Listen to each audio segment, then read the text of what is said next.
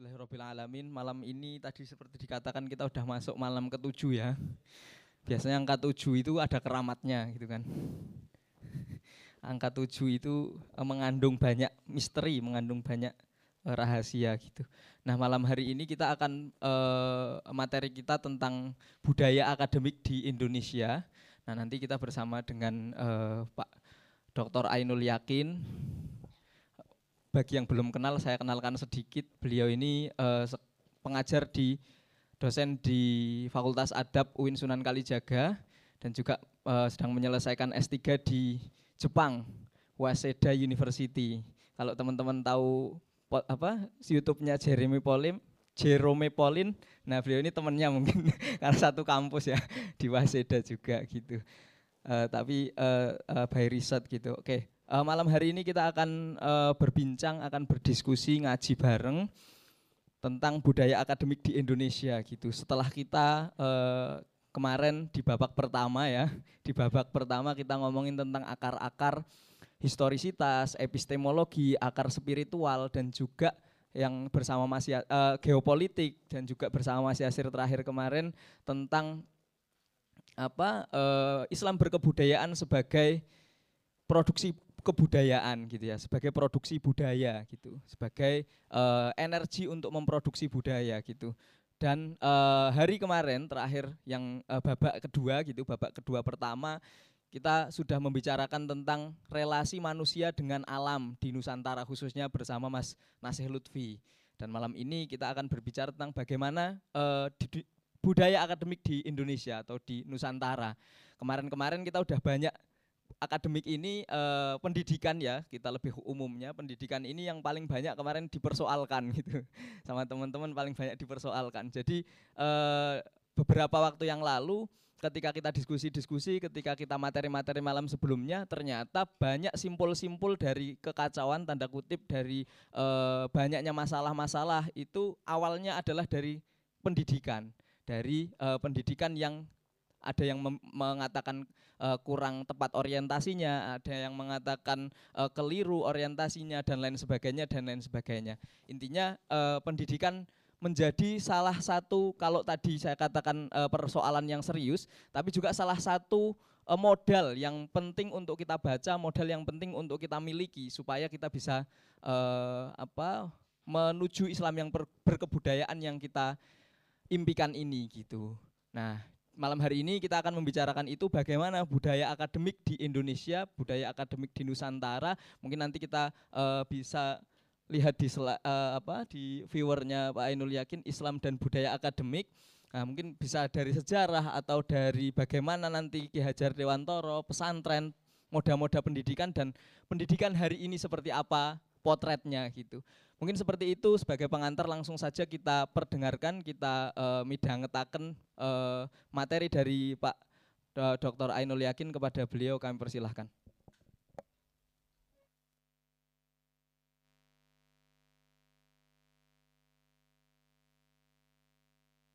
Ya, Assalamualaikum warahmatullahi wabarakatuh. Alhamdulillahirrabbilalamin Wassalatu wassalamu ala asrafil anbiya wal mursalin Sayyidina wa maulana Muhammadin wa ala alihi wa sahbihi ajma'in. Uh, terima kasih pada Mas Lukman yang sudah memandu uh, acara ini dan semua rekan-rekan santri di Kaliopak yang berbahagia yang hadir kali ini juga ada di situ ada tim audio dan tim uh, LCD. Uh, saya mengucapkan terima kasih karena saya di undang untuk berdiskusi ngaji bersama di acara uh, apa namanya uh, ngaji posonan uh, di pesantren Kaliopa ini.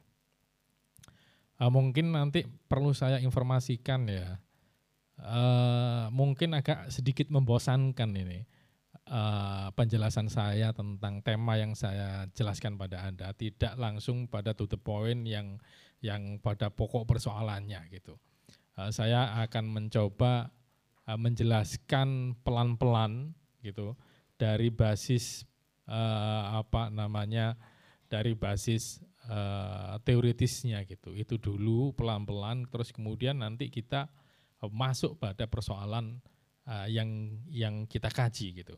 Jadi tidak langsung ujuk-ujuk langsung menceritakan oh ini persoalannya gitu, tidak tidak begitu. Um, mungkin langsung saja biar nanti tidak terlalu malam gitu, karena kita nah aduh memang saya tadi nggak sempat tidak sempat mengecilkan uh, iya ya nggak bawa, ha, ya mungkin di sini. Saya memang tidak sempat tadi, barusan tadi itu saya mencoba membuat outline gitu yang bisa mengantarkan saya untuk apa namanya menjelaskan pada anda, uh, tapi penjelasannya terstruktur gitu.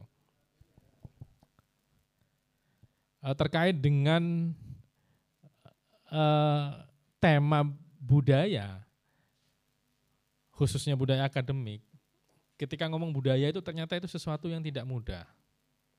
Itu itu kalau ngomong budaya bahkan beberapa uh, apa namanya uh, ahli gitu mengatakan tidak mudah ini studi studi budaya itu. Karena kalau kita ngomong studi budaya itu banyak hal yang terkait gitu. Dari sisi misalkan dari sisi definisi budayanya saja itu luar biasa banyaknya dari sisi definisi soal budaya itu. Tahun 50-an itu uh, apa namanya di situ Glukon ya salah satu antropolog gitu men, uh, apa namanya menulis definisi tentang uh, berapa beberapa definisi sekitar 156 apa 52 definisi tentang tentang budaya.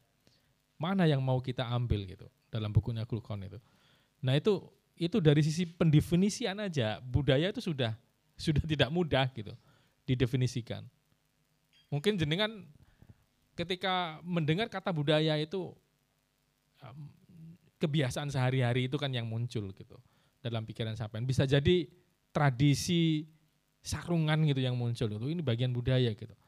Atau uh, muncul dalam pikiran sampean orang yang oh biasalah kita itu melanggar lalu lintas. Kalau lampu kuning kita tabas itu udah udah biasa gitu.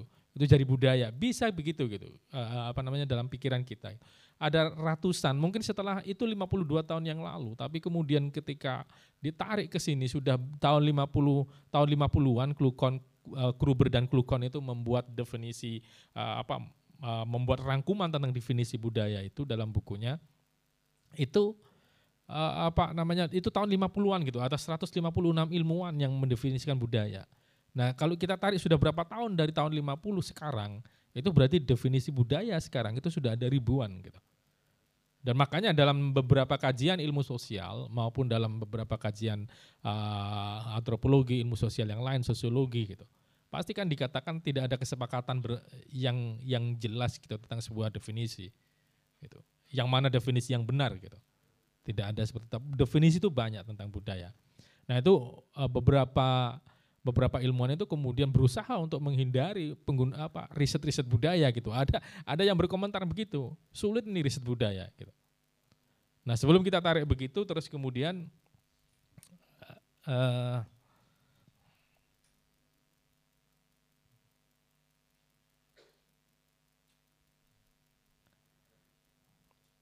Oke. Okay. Ya, itulah kerumitan dari ketika kita diskusi tentang uh, tentang tentang budaya gitu. Tidak tidak tidak mudah memang ada ada banyak kerumitan di situ ketika kita uh, berdiskusi tentang tema-tema uh, uh, terkait budaya. Ada orang yang mengatakan oh ini bagian dari budaya ini, budaya dari kita ini reok ponorogo gitu. Ada yang bilang oh ini kita pakai pakai uh, hijab itu pakai jilbab itu ya budaya kita gitu atau uh, kita pakai belangkon itu budaya budaya orang Jogja misalkan seperti itu. Ada ada dalam pikiran kita semacam itu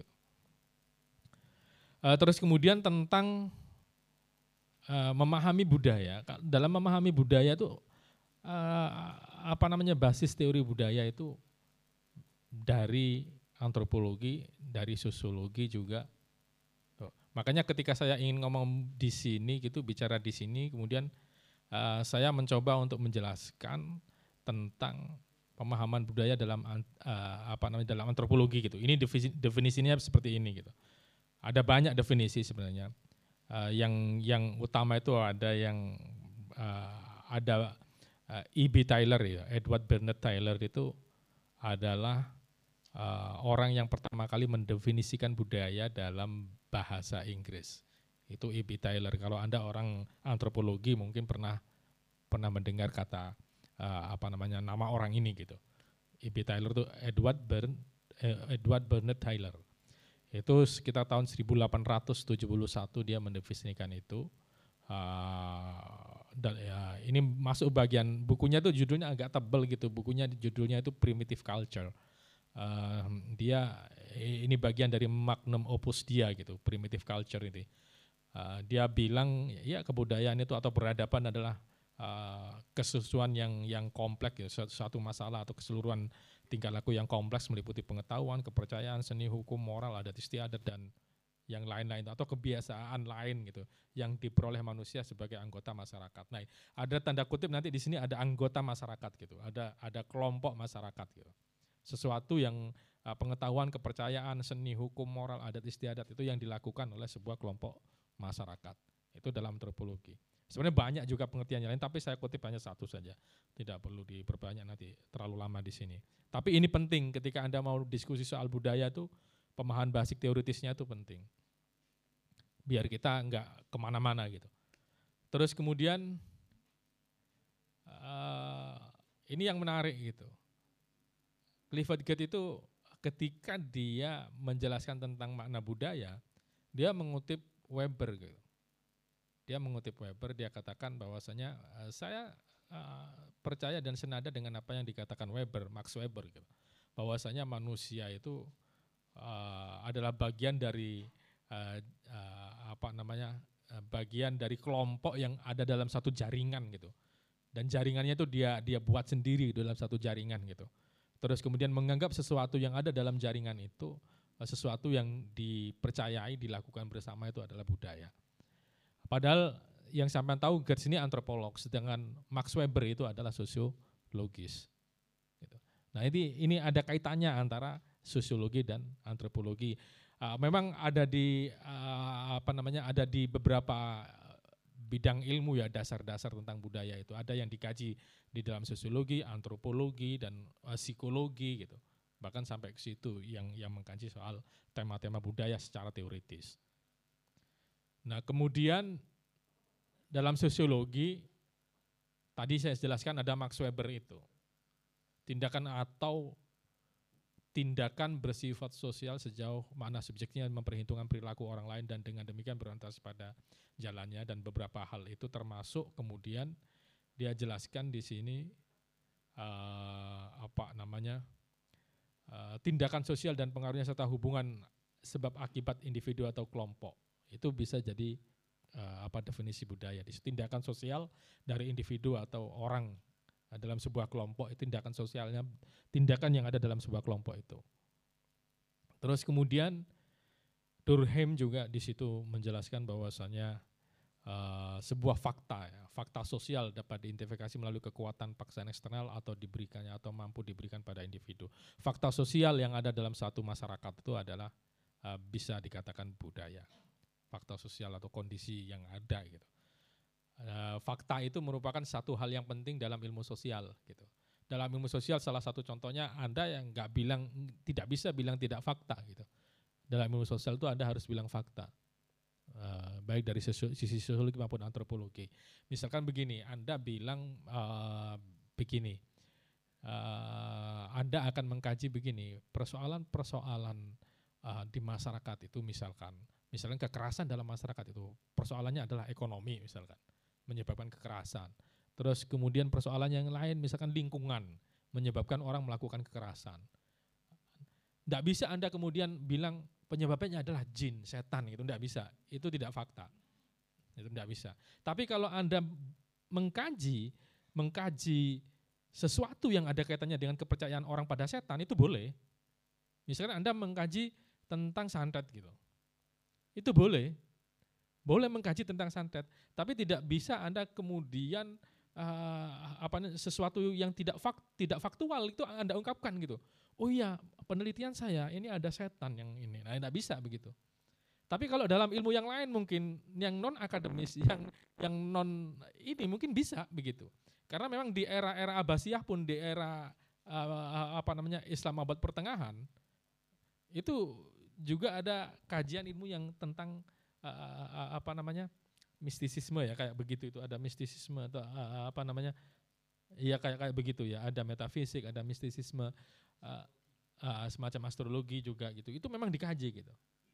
Nah tapi mengkajinya itu bukan mengkaji soal uh, apa bentuk jinnya gitu tidak. Oh ini percaya bahwasanya oh ini ada jinnya ini yang mempengaruhi santet ini uh, jinnya. Tidak bisa diklarifikasi kan pada uh, secara ilmiah faktual gitu. Nggak bisa. Nah itu tidak masuk gitu. Tapi perilaku orang melakukan santet itu, mempercayai santet itu itu yang bisa dikaji gitu. Kenapa orang bisa percaya gitu. Nah, itu. Nah, terus kemudian uh, nah ini terkait dengan budaya akademik, mungkin katanya Mas Lukman tadi uh, beberapa hal kemarin dalam diskusi-diskusi Anda mempertanyakan soal pendidikan mungkin ya. Terkait dengan pendidikan. Nah, setelah kita tadi menjelaskan sedikit tentang makna budaya dari sisi antropologi, dari sisi sosiologi, mungkin bahkan meskipun saya tidak menyebut tadi dari sisi psikologi misalkan. Kemudian kita tarik hubungan budaya dan pendidikan itu apa? Nah itu kan begitu. Hubungan budaya dan pendidikan itu apa? Nah beberapa beberapa ilmuwan mengatakan hubungannya jelas gitu. Bahkan yang saya sebut tadi eh, apa namanya Gruber dan Klukon itu yang membuat rangkuman definisi budaya tadi uh, tahun 50-an tahun 52 itu uh, menempatkan bahwasannya uh, apa namanya di situ ada sekitar 16 definisi budaya yang di situ sangat terkait dengan pembelajaran dengan pendidikan. Bahwasanya budaya itu terkait dengan uh, uh, apa namanya pendidikan. Transformasi sebuah budaya itu lebih banyak juga dilakukan melalui pendidikan. Anda dibilangin sama orang tua atau kiainya misalkan uh, dibilangin sama orang tua atau kiainya uh, apa namanya nah kue ku ora pantes kaya ngene. Hmm. kue ku ora pantes nek kaya ngene iki. Nek wong Jawa iku ya aja ngono. Nah itu kan bagian dari pembelajaran gitu. Bagian dari bagian dari pembelajaran. Meskipun tidak formal gitu. Ada juga pembelajaran yang formal juga ada gitu. Kalau kita di pesantren misalkan di di diajarin gitu taklim taklim gitu kan. Diajarin tentang tata krama gitu. Bagaimana sikap kita pada guru gitu. Meskipun itu yang ngajar sebenarnya taklim taklim mau dia yang ngajar iya Arab ya nah, ya itu kan sebenarnya eh, agak kurang pas bisa dibawa ke, mungkin ke Nusantara gitu kan. Tapi kan itu melalui, uh, bukan itunya gitu. Uh, bu, saya bukan membahas pas dan tidaknya gitu. Tapi saya melihat di situ Eh, pembelajarannya itu mempengaruhi budaya gitu. Nah itu pengaruh dari pembelajaran gitu. Nah itu budaya transformasinya bisa dari pembelajaran itu. Dan di sini dijelaskan uh, kenapa kemudian boleh orang bicara tentang budaya akademik itu ngomong budaya akademik boleh karena apa? Karena uh, apa namanya di situ memang jelas bahwasanya uh, apa namanya sebuah budaya itu dijelaskan di situ. Budaya itu juga terdiri dari semua pembelajaran sosial yang ditransmisikan. Itu Klukon itu bilang begitu Klukon. Antropolog itu adalah terdiri dari semua pembelajaran sosial yang ditransmisikan, diinformasikan. Itu. Anda Anda dulu mungkin tidak paham gitu. Bagaimana sih sikap seorang uh, uh, perempuan misalkan begitu terhadap cowok yang sama-sama dewasa gitu atau dewa yang belum ada ikatan apa pun sikapnya seperti apa gitu itu kan juga bagian dari budaya gitu misalkan yang cowok juga begitu kalau sudah dewasa kan beda ketika kecil gitu kalau kecil mungkin masih umur balita mandi bareng nggak masalah gitu tapi ketika itu anda umur 17, 18, 21, 25 berbahaya gitu. Kalau bukan ada urusan apa-apa, kalau sudah nikah sih nggak masalah, mau bareng, mau jungkir balik silakan gitu. Nah itu. Tapi kalau kalau tidak dalam ikatan itu, nah ikatan budaya yang itu juga gitu. Tapi kan ini ditransformasikan, diinformasikan melalui apa? Pembelajaran. Melalui pembelajaran formal maupun pembelajaran tidak formal. Oke itu selesai ya soal hubungan uh, budaya dan pendidikan. Nanti kita lanjut. Agak sedikit membosankan ini memang karena tidak pada realitas kita bicara pada sesuatu yang yang yang yang menjadi persoalan kita gitu, belum ke sana. Terus kemudian tentang apa sih budaya akademik itu? Kalau kita bicara budaya akademik, apa yang perlu kita bicarakan? Kayak apa budaya akademik? Kalau Anda membuka website beberapa universitas baik dalam negeri maupun luar negeri, biasanya ada informasi salah satu halamannya itu tentang budaya akademik kami gitu. Misalkan Anda buka websitenya Harvard, buka websitenya uh, LSI, buka punya websitenya siapa gitu. Ada informasi tentang budaya akademik kami gitu. Budaya akademik kami itu seperti ini, bla bla bla bla bla. Kami menjaga netralitas dalam belajar, kami menjaga independensi dalam belajar, kami mengutamakan kejujuran, kami mengutamakan uh, fairness gitu. Biasanya begitu ditulis gitu. Kami mengutamakan kualitas akademik, kan gitu dalam informasi. Tapi itu informasi tentang budaya akademik dalam sebuah universitas gitu. Nanti seperti apa? Apakah seperti itu? Nanti kita kita diskusikan itu. Budaya organisasi merupakan konsep penting dalam mempelajari budaya dan organisasi karena memberi gambaran. Nah ini terkait dengan ini, ketika kita membicarakan budaya akademik, berarti kita membicarakan juga yang terpenting adalah ketika kita membicarakan budaya juga adalah budaya organisasi. Itu kita membicarakan itu sampai dalam keluarga kan ada budayanya itu dalam sebuah keluarga. Kalau orang Jawa ya budaya keluarganya dalam Jawa itu ya sedikit banyak budaya Jawa dalam keluarga itu. Dalam lingkup keluarga itu. Kalau Anda orang Madura, orang Jawa, orang Sunda, Jawa-Jawa pun beda-beda ya. Jawa Jogja beda dengan Jawa Solo gitu. Uh, ada bedanya loh, jangan dikira Solo dan Jogja itu nggak nggak berbeda. Berbeda loh Solo dan Jogja. Apalagi dibandingkan dengan uh, Jawanya Pasuruan gitu. Beda lagi gitu kan. Jawa Pasuruan itu uh, yang keras-keras gitu. Nah, terus kemudian uh, kenapa budaya organisasi ini penting? Aku organisasi itu ya uh, katanya Ed, Edward apa Edgar Sen itu mengatakan ya ada organisasi swasta, publik, pemerintah, nirlaba, keagamaan dan yang lain-lain itu organisasi, baik termasuk keluarga, termasuk uh, lingkup-lingkup RT itu juga organisasi. Ada politiknya, ada budayanya juga di RT gitu kan. Ada intrik-intriknya juga. Nah ini kalau Anda mengamahami sebuah budaya, bagian-bagian dari budaya organisasi. Sudah ada yang pernah melihat uh, apa namanya ini ya? Itu dibagi jadi seperti gunung es gitu. Tahu Anda gunung es ya, iceberg gitu. Uh, kalau Anda lihat film-film Antartika, film-film tentang alam uh, seperti Geo Geonet gitu, apa namanya? Uh, ya geografi nasional geografik gitu. Itu kan biasanya kalau mengupas tentang es yang yang mulai apa namanya mencair itu, kan ada biasanya ada gunung es. Gunung es itu munculnya sedikit loh di apa namanya? di permukaan laut itu munculnya sedikit tapi yang besar itu yang yang ke bawah itu dia mengambang itu kadang. Tapi yang besar itu ke bawah mengambang yang besar itu ke bawah nggak terlihat. Nah dia melihat Edgar Sen itu melihat bagian-bagian dari budaya organisasi itu seperti ini. Yang di atas itu namanya artifacts core values kemudian uh, underlying assumptions paling dalam. Yang paling bawah itu underlying assumptions. Assumptions ya.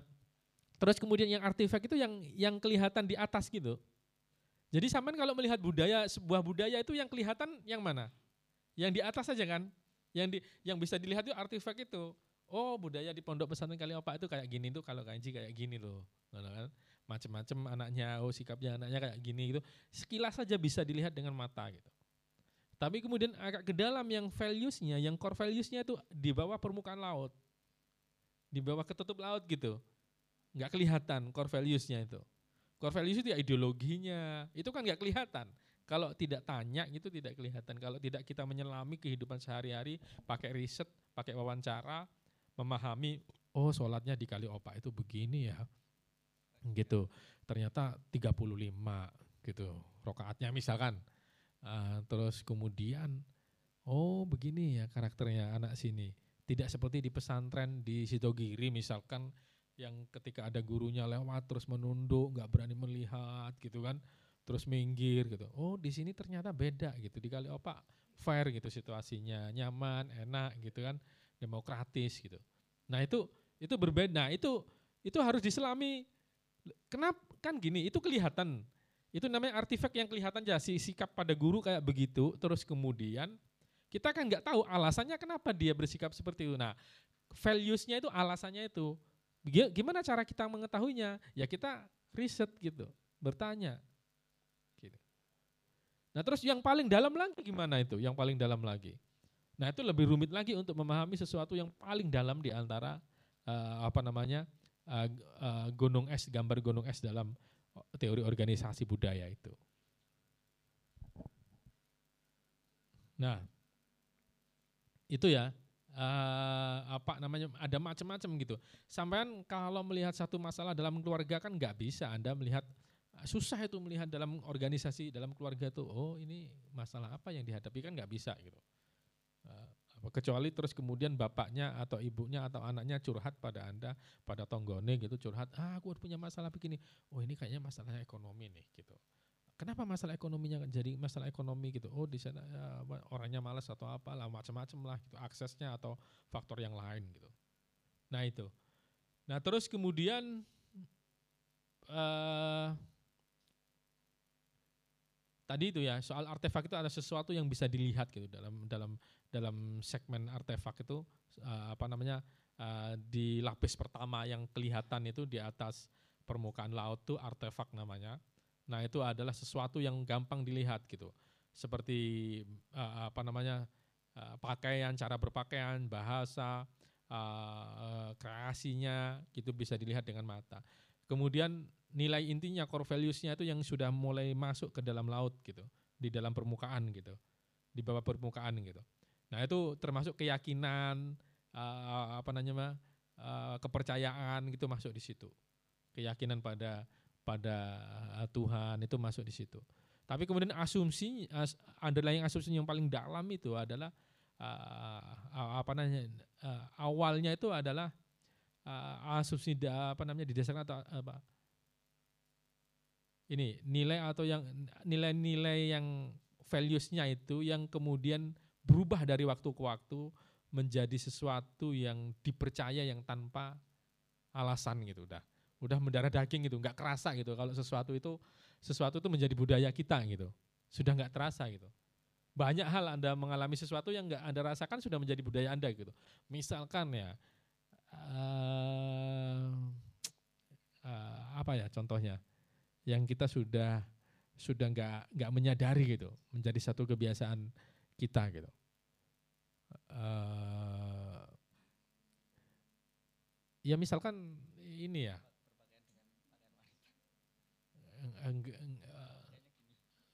enggak apa ya ya contohnya yang sudah menjadi kebiasaan kita misalnya oh kita makan pakai tangan misalkan kita nggak sadar kan Ya sudah kita melakukan itu nggak sadar kenapa kita makan pakai tangan nggak punya alasan gitu. Kita sudah melakukan itu. Gitu. Atau lebih kepada nilai gitu, sesuatu yang nilai gitu, yang yang yang yang values gitu, yang sudah kita sadari. Uh, misalkan gini, oh kita nggak bisa misalkan celometan saat EDW gitu di hadapan orang tua gitu. Tapi di hadapan konco ya nggak masalah gitu. Nah itu kita kadang nggak sudah sadar uh, semacam itu. Atau kita oh kita sudah sadar bahwasanya melakukan pelang, tidak puasa itu ya salah gitu. Tapi kita sudah sudah sudah dengan sendirinya gitu loh. Uh, tidak perlu belajar kita sudah memahami itu. Nah hal-hal yang sudah menjarah daging tanpa kita tanyakan lagi gitu, itu adalah hal yang kalau kita meneliti itu, misalkan kita meneliti, sorry, alarm saya harus absen ini. Eh, lupa nggak absen sebentar ya. Ya beginilah PNS itu. Ini nanti bagian dari budaya akademik. Uh, iya. Oke. Okay. Uh, eh, kemudian kita pada step tentang budaya akademiknya sekarang. Kalau tadi mau mau bicara tentang budaya akademik itu memang penting untuk mengkaji tentang budaya dalam organisasi. Karena organisasi itu luas ya, bukan hanya organisasi itu bukan hanya PMI, AMI, uh, IPNU, IPPNU, uh, bukan hanya itu gitu loh.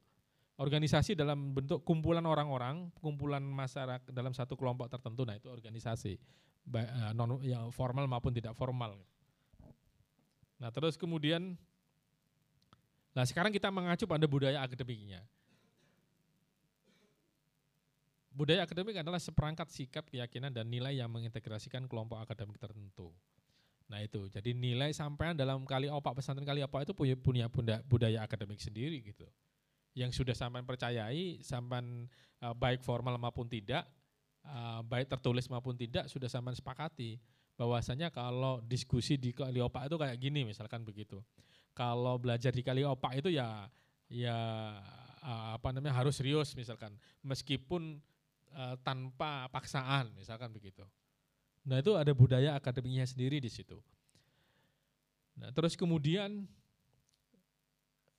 ada empat bagian dari budaya akademik itu secara teoritis. Ada the culture of discipline, the culture of profession, the culture of enterprise, the culture of the system. The culture of discipline itu uh, bagian dari disiplin ilmu pengetahuan yang kita tekuni gitu. Budayanya kan beda-beda gitu. Orang hukum budayanya uh, mungkin dia suka ngomong tentang hukum gitu. Orang pendidikan ya budayanya mungkin mungkin sampai pengaruh para para cara berpakaiannya anak tarbiyah gitu kan. Uh, ada yang gondrong gitu, nggak ada yang uh, apa namanya uh, yang selengean, uh, ya pakaiannya pakaiannya itu celananya nggak pernah jin gitu kan, pakai celana cap apa yang tipis-tipis itu yang inilah yang normal lah, yang sopan gitu kan. Uh, pakai kulot gitu. Nggak ada yang pakai apa celana pensil apalagi celana ketat gitu kan. Nggak ada gitu. Nah terus kemudian the culture of profession itu tentang profesinya. Budaya dalam profesi itu nah, itu macam-macam. Kalau guru itu profesi guru budayanya kayak apa gitu? Sendiri gitu. Uh, apa karakteristik guru beda dengan petani gitu. Guru ya begitu kebiasaannya gitu. Setiap pagi dia harus ngantor, harus mengajar, harus absen macam-macam gitu kan.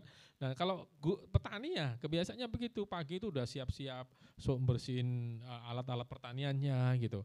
Nanti berangkat pulang lagi pulang agak duhur pulang, setelah duhur berangkat lagi gitu kan. Sampai asar pulang baru nah, kayak kayak begitu gitu. Uh, ada ini profesi ya the culture of professions. The culture of enterprise itu soal gaya dalam mengatur sebuah organisasi. Atau kepercayaan dalam sebuah organisasi. Percaya uh, the culture of enterprise itu oh saya itu mahasiswa kali opa.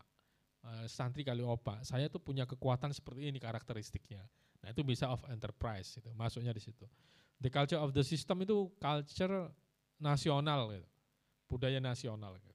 Ini menurut menurut uh, teorinya seperti itu. Kenapa saya harus menjelaskan hal-hal yang detail seperti ini agar kita punya pemahaman mendasar gitu, tidak langsung to the point gitu. Uh, ter, kita terbiasa ketika seorang mahasiswa, seorang uh, akademisi, seorang ilmuwan atau seorang peneliti atau seorang budayawan gitu dalam dalam mengkaji sesuatu itu uh, apa namanya sebaiknya gitu. Sebaiknya memang berlandaskan sesuatu uh, berlandaskan pada uh, apa pijakan-pijakan ilmiah gitu. Dalam Islam sebenarnya itu sudah sangat sangat terbiasa gitu. Uh, kalau perawi hadis gitu kan harus jelas gitu. Uh, harus jelas harus sohe harus uh, ini dipilih gitu atau mutawatir harus jelas ini dari siapa dari siapa. Bahkan kalau anda mengkaji dalam tradisi NU kan juga sangat kuat gitu. Menghafal Quran itu nggak bisa sembarangan menghafal Al Quran uh, saya menghafalkan Al Quran sendiri gitu. Bisa begitu bisa gitu. Tapi harus dijaga tradisi uh, apa namanya sanat keilmuannya gitu. Nah itu dalam ilmuwan modern dalam ilmu modern dalam ilmu-ilmu eh, kajian modern juga begitu kalau anda mengkaji gitu. Nggak bisa anda ngomong oh saya mikir pak ini hasil pikiran saya pak gitu. Eh, saya itu sudah mikir sendiri ini merenungkan di pinggir kali opak. Ternyata setelah saya merenung sambil merokok itu pak saya ketemu kayak begini pak gitu. Nggak bisa begitu gitu loh. Nggak bisa begitu. Anda harus mengkaji dulu teorinya, meneliti dulu teori ini benar apa enggak, diteliti dulu masyarakatnya. Setelah Anda meneliti, setelah Anda mengkaji beberapa teori itu, terus kemudian Baru Anda boleh merenung tuh. Oh setelah saya membaca teori ini, membaca teori ini, apa uh, mengkaji teori dari lapangan kayak begini, oh ternyata hasilnya begini ya. Ternyata teori itu salah nih. salah nih kalau menurut saya. Nah, sudah boleh Anda begitu. Sudah boleh Anda membuat teori baru. Gitu. Asalkan Anda yang Anda baca itu jelas gitu. Runtutannya gitu. Runtutannya jelas gitu. Terus Anda meneliti gitu. Itu sudah boleh gitu.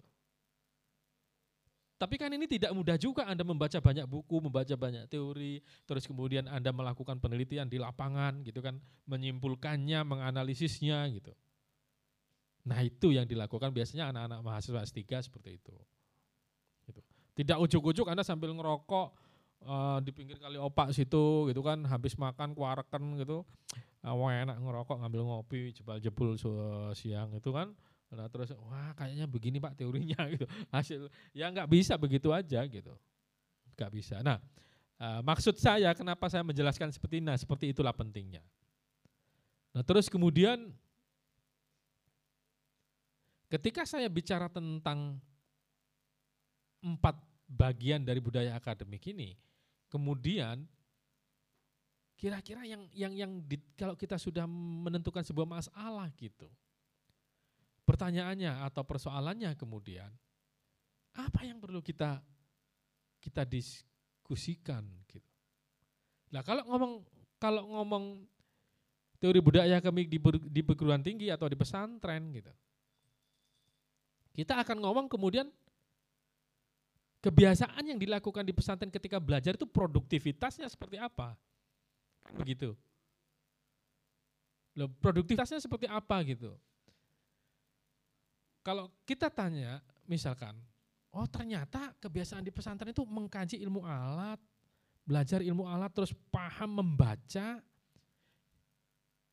ya terus kemudian lancar membaca kitab gitu. Terus apa setelah? Ya enggak Pak, cukup di membaca kitab saja udah selesai Pak, gitu. Lu berhenti di situ. Nah memang yang umum kan sekarang hanya berhenti, berhenti di situ kan. Ya sudah membaca gitu. Menafsirkan, membaca, bercerita gitu. Dilanjut dengan apa harusnya? Ya dilanjut dengan penelitian harusnya. Kan begitu. Tidak berhenti membaca, uh, tradisi yang ada secara umum ya non sewu di pesantren kan berhenti di situ. Berhenti di membaca. Nulisnya gimana? Ya ada dulu Imam Nawawi nulis gitu. Tapi kan nggak sampai sekarang kan nggak itu nggak berlanjut gitu. Berapa ulama yang sekarang menulis misalkan? Nggak banyak. Berapa kiai yang sekarang menulis? Nggak banyak. Berhentinya di mana? Di membaca, diulang-ulang membaca, ulang membaca, membaca sampai hafal gitu. Berhenti di situ gitu. Nah itu karakteristik budaya akademik.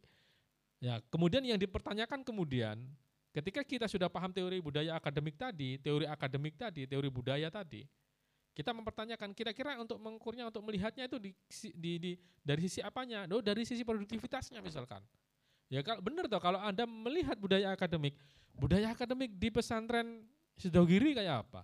Budaya sana budaya akademik di Matolek kayak apa? Budaya akademik di Lirboyo seperti apa? Kan begitu. Loh kalau tanya seperti apa, kan tidak hanya bercerita saja, oh budaya akademiknya begini kan enggak gitu. Terus apa yang diukur ya produktivitasnya kan? Gitu. Setelah matolek kayak begitu produktivitasnya seperti apa gitu. Apa cukup memproduksi orang bisa membaca kitab cukup selesai di situ gitu. Kalau sekedar membaca di situ ya menurut saya sekedar membaca saja gitu. Nah itu itu itu apa namanya ditanyakan produktivitas. Nah ketika anda menanyakan produktivitas ya anda harus belajar teori produktivitas, gitu. Nah itu. Nah anda harus paham teori produktivitasnya seperti apa teorinya. Saya bukan sok teoritis, tapi memang begitu cara berpikirnya gitu. Agar langkah kita langkah kita dalam dalam berpikir akademis itu jelas gitu, tidak tidak tidak jumpalitan gitu.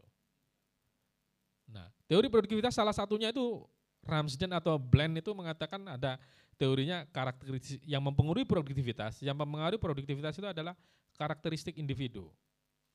Terus kemudian karakteristik lembaga, terus kemudian karakteristik kepemimpinan. Kalau individu, individunya sudah malas membaca ya repot gitu. Kalau Anda sudah malas membaca ya orang yang bisa ngomong lancar, bisa ngomong berisi, substansial, uh, insightful, bicaranya gitu, apa namanya punya isi bicaranya, itu suka membaca. Anda membandingkan orang yang suka membaca itu akan berbeda cara ngomongnya. Eh, Ya kalau orang selengean tuh beda ya Mas Lukman ya. Kalau selengean gitu ya beda gitu. Orang selengean, wah, suruh, ya menyenangkan orang selengean itu. Ketemunya ya sekedar menyenangkan aja selengean itu. Wah, wes cuma kamu semacam-macam. Udah ngomong selengean. Enak memang gitu. Ya sekedar itu aja gitu. Tapi nggak ada isinya gitu. Nah itu faktor faktor karakteristik individu itu sangat penting gitu. di situ. Itu itu salah satu faktornya. Terus kemudian karakteristik kelembagaan lembaga ini juga juga sangat penting dalam belajar uh, melihat produktivitas uh, sebuah lembaga gitu. Sebuah pesantren tuh. Kayak apa nih lembaganya gitu? Apa lembaganya punya aturan? Apa lembaganya ini punya visi dan misi yang jelas gitu? Apa lembaganya ini punya punya karakteristik tertentu yang keren untuk menaikkan uh, apa semangat belajar anaknya siswanya mahasiswanya gitu. Nah kayak seperti itu. Uh, terus kemudian uh, apa namanya uh, ini yang berikutnya itu karakteristik kepemimpinan. Nah kepemimpinan ini pengaruh loh. Sampan itu sama orang tua sampan itu kalau orang tuanya nggak peduli sampan sebagai seorang pemimpin apa ibunya. Pemimpin kan kalau kita nggak bias gender kan bisa bapak bisa ibu ya. Pemimpin yang nggak harus bapak ya. Gitu. Yang powerful itu kadang banyakkan ibu malah. Ya yang powerful di rumah itu udah ibu itu pokoknya bener terus deh susah memang melawan ibu uh, terus kemudian ya mbak mbak enggak tadi bias gender saya enggak uh, jadi kepemimpinan itu penting pemimpin yang bisa misalkan pemimpinnya begini eh tolong kamu baca ya kamu rajin baca ya oh kamu ini ya pemimpin punya visi misalkan dalam konsep saya itu mahasiswa harus baca sekian santri harus baca sekian gitu santri harus nulis gitu. Enggak hanya sekedar membaca. gitu. Santri harus nulis sekian dalam sebulan gitu. Nah, kalau ada seperti itu kan pemimpinnya seperti itu itu membawa pengaruh juga pada budayanya gitu. Pada budaya akademik dalam sebuah institusi pesantren, sekolah, eh, kampus gitu. Pemimpin kalau kalau punya visi riset yang tinggi, dia akan menggelorakan akan akan me, me, apa namanya meningkatkan semangat penelitiannya gitu. Nah itu ya. Terus kemudian ada tiga itu karakteristik individu yang mempengaruhi produktivitas, uh, lembaga, kepemimpinan. Nanti mungkin kita diskusinya lebih pada uh, ini. Memang membosankan. Nah ini kemudian yang kita ketemu gitu. Setelah saya mengkaji eh, dari sisi budaya akademik dan juga mengkaji dari sisi apa namanya produktivitas, kemudian ketemu sembilan aspek tentang budaya akademik gitu. Salah satunya misalkan ya, kalau di kampus gitu kebanyakan di kampus-kampus Indonesia gitu, jam mengajarnya terlalu banyak dosen itu. Jam mengajarnya jam kalau di luar negeri itu saya tanya waktu saya di Belanda tuh saya tanya sama teman saya tuh kamu ngajar tuh eh, sama profesor juga berapa sih dalam seminggu tuh? Saya ngajar hanya tiga kelas, yakin hanya dua hari gitu. Terus selebihnya Rabu, Kemis, Jumat itu dia membaca dan menulis atau riset. Rabu, Kemis, Jumat dia ngajarnya Senin. Kalau dosen di Indonesia kan ngajarnya Senin, Selasa, Rabu, Kamis, Jumat, Sabtu, Minggu di tempat lain gitu. Kapan penelitiannya risetnya nggak ada gitu. Itu. Ngajar pun kadang materinya diulang-ulang gitu, kayak kita nyetel CD diulang-ulang gitu. E, sama sama gitu materinya. Nah, itu itu e, pengaruh juga gitu. Jam mengajar gitu pengaruh juga. E, apa namanya? Bukan mengajar terlalu banyak. Nanti ada faktor yang lain juga. Misalkan soal soal gaji gitu. Nah soal gaji ini menarik gitu. Soal gaji ini bisa mempengaruhi loh. Tapi ada yang menarik. Saya pernah membaca sebuah artikel gitu tentang dia meneliti tentang gaji gaji ilmuwan di era Islam abad pertengahan, era era apa namanya Abbasiyah dan era sebelumnya era Umayyah. Dia mengkaji itu. Keren itu orang Amerika yang nulis kayaknya. Dia mengkaji soal gaji gitu. Kayak apa sih penggajian apa namanya ilmuwan waktu itu sehingga ilmuwan waktu itu luar biasa produktif gitu. Uh, uh, Imam Atobari sejarawannya dan uh, Imam Suyuti. Imam Suyuti itu bukunya itu 35 jilid, kayaknya seribu halaman gitu ya satu jilidnya. Tidak uh, tahu sudah diterjemahkan di bahasa Indonesia atau belum belum kayaknya ya. Ada yang sudah. Ha, tapi yang banyak yang terjemahkan itu dalam bahasa Inggris kayaknya. Orang Inggris itu sudah terjemahkan lama sekali itu. Uh, apa namanya? Uh, apa ya judulnya itu?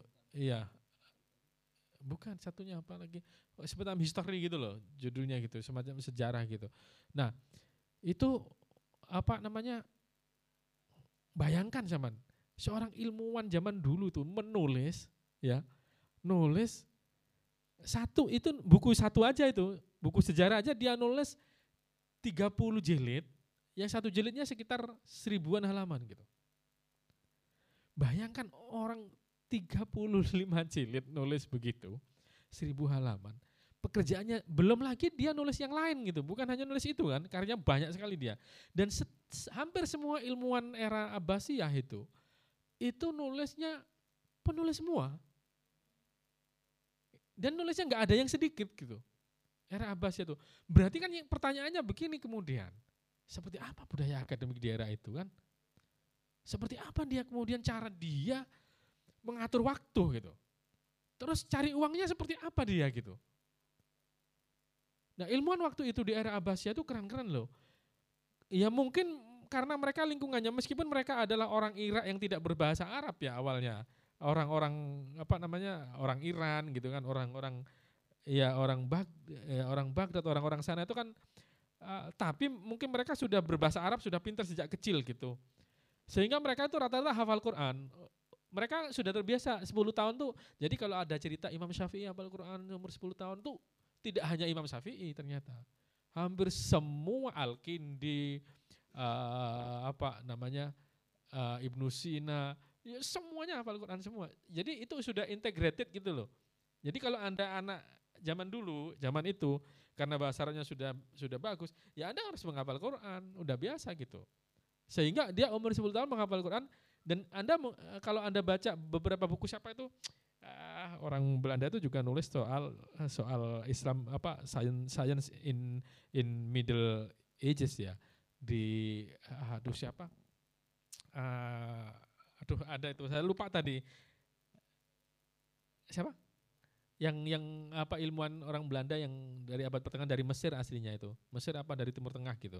Dan dia hidup di Belanda dan dia di, di, di Perancis kayaknya terus dia nulis buku juga tentang tentang eh, bukan satunya uh, bukan Arkun. Nah, terus ada lagi yang ditulis oleh ini tentang Islam di abad pertengahan itu dia menjelaskan itu, menjelaskan kehidupan akademik era itu uh, seperti Al-Jabar, Al-Kindi dan yang lain-lain itu, yang mereka rata-rata hafal Quran dan mereka rata-rata termasuk termasuk sejarawan uh, Imam Suyuti itu, atau Bari dan yang lain-lain. Ternyata mereka juga fisikawan loh. Keren ya. Jadi matematika menurut mereka itu sudah hal biasa. Pertama yang hal biasa itu menurut mereka pertama itu dia belajar Al-Qur'an udah sudah selesai gitu. Uh, hafal Quran udah selesai gitu. Terus kemudian ternyata mereka juga ahli fisika semua, matematika juga. Lah itulah kerennya gitu. Kan dalam kemudian kita berpikir bagaimana mereka bisa seperti itu? Terus cara kerjanya gimana? Cari uangnya seperti apa gitu? Kan kemudian begitu pertanyaannya. Dan itu kan jarang kita tanyakan gitu. Gimana sih caranya Imam Syafi'i dapat uang gitu? Kan kita hanya hanya ininya aja gitu. Tapi kan bagaimana kehidupan keluarganya gitu? Bagaimana Imam Syafi'i sampai bisa nulis banyak begitu? Cara dapat uangnya seperti apa gitu? Itu harus kita pikirkan juga. Tapi kan selama ini nggak kita pikirkan gitu. Selama ini nggak pernah kita mikir begitu gitu loh. Uh, kenapa uh, Imam Suyuti itu bisa ternyata dalam sebuah kajian, dalam sebuah riset yang ditulis oleh di dalam artikel itu sampai sekarang gajinya era Abbasiyah itu untuk satu orang uh, ilmuwan seperti seperti uh, Al-Jabar, Al-Kindi, uh, Hawarizmi dan yang lain itu gajinya katanya sampai sekarang nggak ada yang bisa ngalahin untuk satu bulannya itu. Bahkan Harvard pun katanya gajinya dosen Harvard nggak bisa itu. Itu dalam artikel ditulis begitu. Saking besarnya gajinya. Dan memang waktu itu kekuasaan Abbasiyah kan gila ya. Dari Eropa sampai mana Afrika sampai Asia gitu kan. Ngeri gitu. Dan itu digaji, dia suruh mikir aja di situ. Dia disuruh mikir, suruh digaji, udah aku, kamu nggak usah cari uang gitu. Udah digaji sama sama raja waktu itu. Nah itu visi dan misi yang tadi itu kepemimpinan itu leadership itu. Visi rajanya, kalau rajanya punya visi mengembangkan ilmu, ya mengembangkan ilmu gitu. Dia akan mengeluarkan uang gitu. Jangan visinya Amerika itu pada ilmu luar biasa, visinya Eropa pada ilmu luar biasa loh. Visinya Jepang pada ilmu luar biasa. Itu visinya pada ilmu pengetahuan itu pemimpin itu penting. Nah, uh, apa namanya di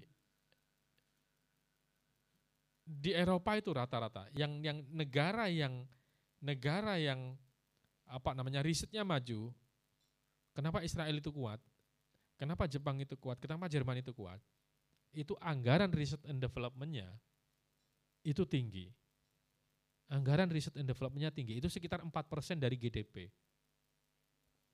4% itu sangat tinggi 4% itu. Jerman, Jepang, uh, Rusia, eh ya, bukan Rusia, uh, Israel itu empat dari GDP. Itu ternyata membawa pengaruh gitu. Kalau anggaran risetnya tinggi, ya budaya akademiknya bagus, gitu loh. Indonesia berapa anggaran uh, apa R&D-nya, riset and development-nya? Indonesia itu kan nggak salah hanya sekarang itu naik. Dulu 0,01 persen dari GDP. 1% from GDP. Terus kemudian sekarang naik jadi 0,02 persen dari GDP. Malaysia berapa? Malaysia itu 0, eh, Malaysia itu 0,1 persen. Lumayan. Singapura itu eh, dua 2 persen dari GDP. Tinggi, makanya maju, meskipun negaranya kecil.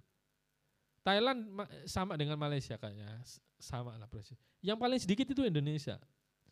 Kenapa nggak mau dimajukan nih risetnya? Nah itulah budaya kita gitu. Melihat melihatnya, ya Anda kalau mau ngeluarin ngeluarin uh, mencari ilmu ya keluarin uang gitu. Kalau kamu mau riset ya keluarin uang karena ada biayanya riset itu. Nggak bisa riset itu ikhlas. Loh iya benar. Ya nggak bisa Anda riset itu ikhlas. Tanya pada orang wawancara itu ikhlas bang Pak wawancara nih. Ya orang akan malas ngasih informasi gitu. Apalagi riset-riset teknologi ya pakai uang. Nggak bisa Anda riset tentang drone gitu. Anda nggak beli drone-nya gitu. Padahal drone yang paling murah misalkan drone DJI gitu paling 5 juta gitu. Ya kan? Yang bagus gitu. Kalau ya dibongkar dulu kalau mau riset gitu, beli dulu DJI gitu. Dibongkar kenapa Jack Ma bisa memproduksi DJI sampai menguasai dunia perdronan gitu, seluruh dunia. Nah, nah itu harus, nah begitu memang. Kalau mau mau meneliti tentang drone nggak beli drone gitu, hanya menghayal oh drone tuh begini kayaknya deh. Sambil ngerokok aja deh kita hayalin gitu. Nggak bisa gitu. Ya harus beli drone kemudian dibongkar drone-nya. Dikaji gitu. Ya butuh kopi mengkajinya kan, butuh rokok supaya Anda semangat, ya macam-macam gitu. Nah itu. Nah jadi persoalan gaji itu jangan jangan ada memang ada memang artikel yang mengungkap di masing-masing uh, apa, uh, raja itu era raja itu macam-macam gitu. Ada yang ilmuwan itu ikhlas gitu, nggak mau dibayar agar dia konsisten ikhlas gitu. Ada yang begitu juga dalam teorinya. Tapi tapi yang yang yang umum gitu gajinya di era Abbasiyah itu sangat besar. Digaji negara. Nah, oke okay, itu. Kemudian soal fasilitas gitu. Juga dikasih fasilitas di era itu. Dikasih fasilitas yang cukup. Dikasih apa? Wah, ini laboratorium, dikasih tempat diskusi, dikasih tempat praktek, praktikum, oh, macam-macam gitu. Nah, kalau di Indonesia misalkan, kita tarik ke Indonesia, gaji dosen tadi berapa di Indonesia? Gaji dosen. Dosen itu kenapa sih PNS di negeri itu biar jadi PNS itu biar katanya Pak Karno dulu. Karena dulu tuh dulu tuh begini ceritanya. Setelah orang Belanda, profesor-profesor Belanda disuruh pulang karena marah Pak Karno dan orang-orang Indonesia marah gitu mulai kabeh akhirnya sebenarnya banyak profesor Belanda dulu yang masih ingin menetap di Indonesia gitu kan. Tapi karena kadung seneng Indonesia gitu karena dia lahirnya di Indonesia kakek buyutnya juga lahir di Indonesia. Karena saking lamanya gitu VOC kuasa di sini 300-an tahun 350 tahun mas gitu. Saking lamanya di sini dia dilahirkan di sini akhirnya cinta sampai dia kemudian ngajar di sini gitu. Nah terus kemudian jadi profesor di sini juga gitu. Nah terus kemudian kan mahal gitu terus kemudian merdeka disuruh pulang Kemudian mendatangkanlah profesor-profesor dari Amerika, dari Jerman, dari ini. Ternyata bayarnya kan standar luar negeri, mahal. Terus kemudian Pak era Pak Karno itu kesusahan mencari dosen gitu. Akhirnya alumninya sendiri dipanggil gitu, meskipun sesama S1 disuruh ngajar gitu. Itu dulu begitu. Yang terus kemudian disekolahkan. Di PNS kan agar gajinya standar PNS. Uh, menurut riset saya sih dosen yang PNS itu kalau istrinya tidak bekerja nggak cukup uangnya. Benar. PNS itu kalau nggak cukup, e, kalau istrinya nggak kerja nggak cukup uangnya. Atau dia nggak banyak. Akhirnya gimana? Kadang kalau era Pak Harto tuh menternyukan loh situasi kehidupan dosen itu di Indonesia. Era Pak Harto itu e, gajinya itu habis 10 hari itu udah habis. Akhirnya dia harus uh, ngobjek sana sini gitu. Ada yang jual, ada yang buka toko di rumahnya, ada yang jualan batik, ada yang apa namanya uh, macam-macam lah buka warung di rumahnya untuk mahasiswa, ada yang buka kos-kosan gitu. Di samping kampus UGM itu rumah-rumah dinas dulu itu banyak kos-kosan di situ. Ada Pak Purwo, jangan keras-keras nanti Pak dengar Pak Purwo. Nah kayak begitu. Nah, nah kayak seperti itu gitu. Nah itu buka kos-kosan itu untuk menambal itu gitu untuk menambah kebutuhan dia. Kasihan gitu. Nah kalau istrinya jadi dosen juga itu lumayan. Atau dosen fakultas kedokteran itu lumayan. Karena dia habis ngajar dia buka praktek. Gitu kan. gitu. Tapi ya belajarnya kurang. Bacanya kurang juga tetap. Karena dia buka praktek kan payah juga kan. Eh, pagi buka praktek sebelum ngajar. Terus sore buka praktek lagi. Terus malam di klinik sampai malam sampai jam 10. Loh, kapan bacanya gitu. Karena enggak gitu dia kurang uangnya. Itu mulai dari era dulu sampai sekarang masih. Kalau nggak gitu kemudian cari project lah, gitu. Cari project dari dari NGO, dari oh, macam jadi konsultan, macam-macam kerja di Jakarta. Kalau dulu tuh lucu. Kalau dulu tuh era Pak Harto tuh sampai saya sendiri ngalami gitu. Saya sendiri ngalami saya jadi konsultan di Jakarta tahun 2007. Nah, saya tuh ngajarnya Sabtu Minggu akhirnya. Eh hari-hari Jumat Sabtu, eh, hari Sabtu, Sabtu aja. Jadikan satu ngajar tuh mulai dari pagi sampai sore. Gitu yang ngawur aja ngajarnya. Ya. Nggak berdasarkan riset, nggak berdasarkan membaca yang dalam gitu. Terus kemudian ya kayak begitu gitu. Jadi ngobjek sana sini gitu. Terus gimana kualitasnya? Ya ya begitu aja. Gitu. Gimana Pak cara cara mengatasinya seperti itu? Ya gaji dinaikkan. Mungkin nggak? Ya terserah pemerintah gitu. Nah itu kayak begitu. Lo nggak bisa mas, sama itu kekurangan uang ya, terus suruh mikir serius, suruh baca buku gitu dalam sehari berapa halaman gitu, terus anda mikir nggak punya uang, bisa anda begitu? Nggak bisa, nggak ada rokok aja nggak bisa, nggak ada kopi, gitu.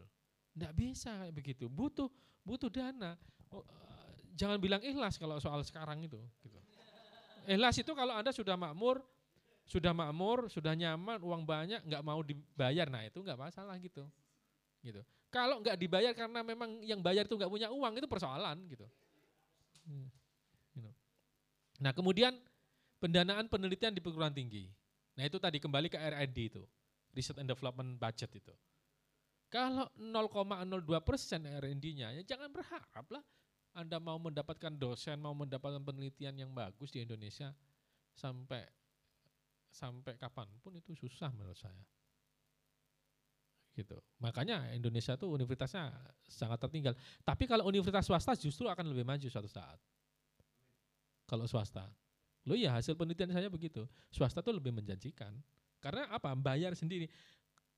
Harvard, Princeton, Yale, uh, eh, MIT itu yang Anda dengar sering dengar itu atau Stanford yang kuliahnya siapa sekarang jadi Nah, Anda kalau soal Maudi itu langsung ingat.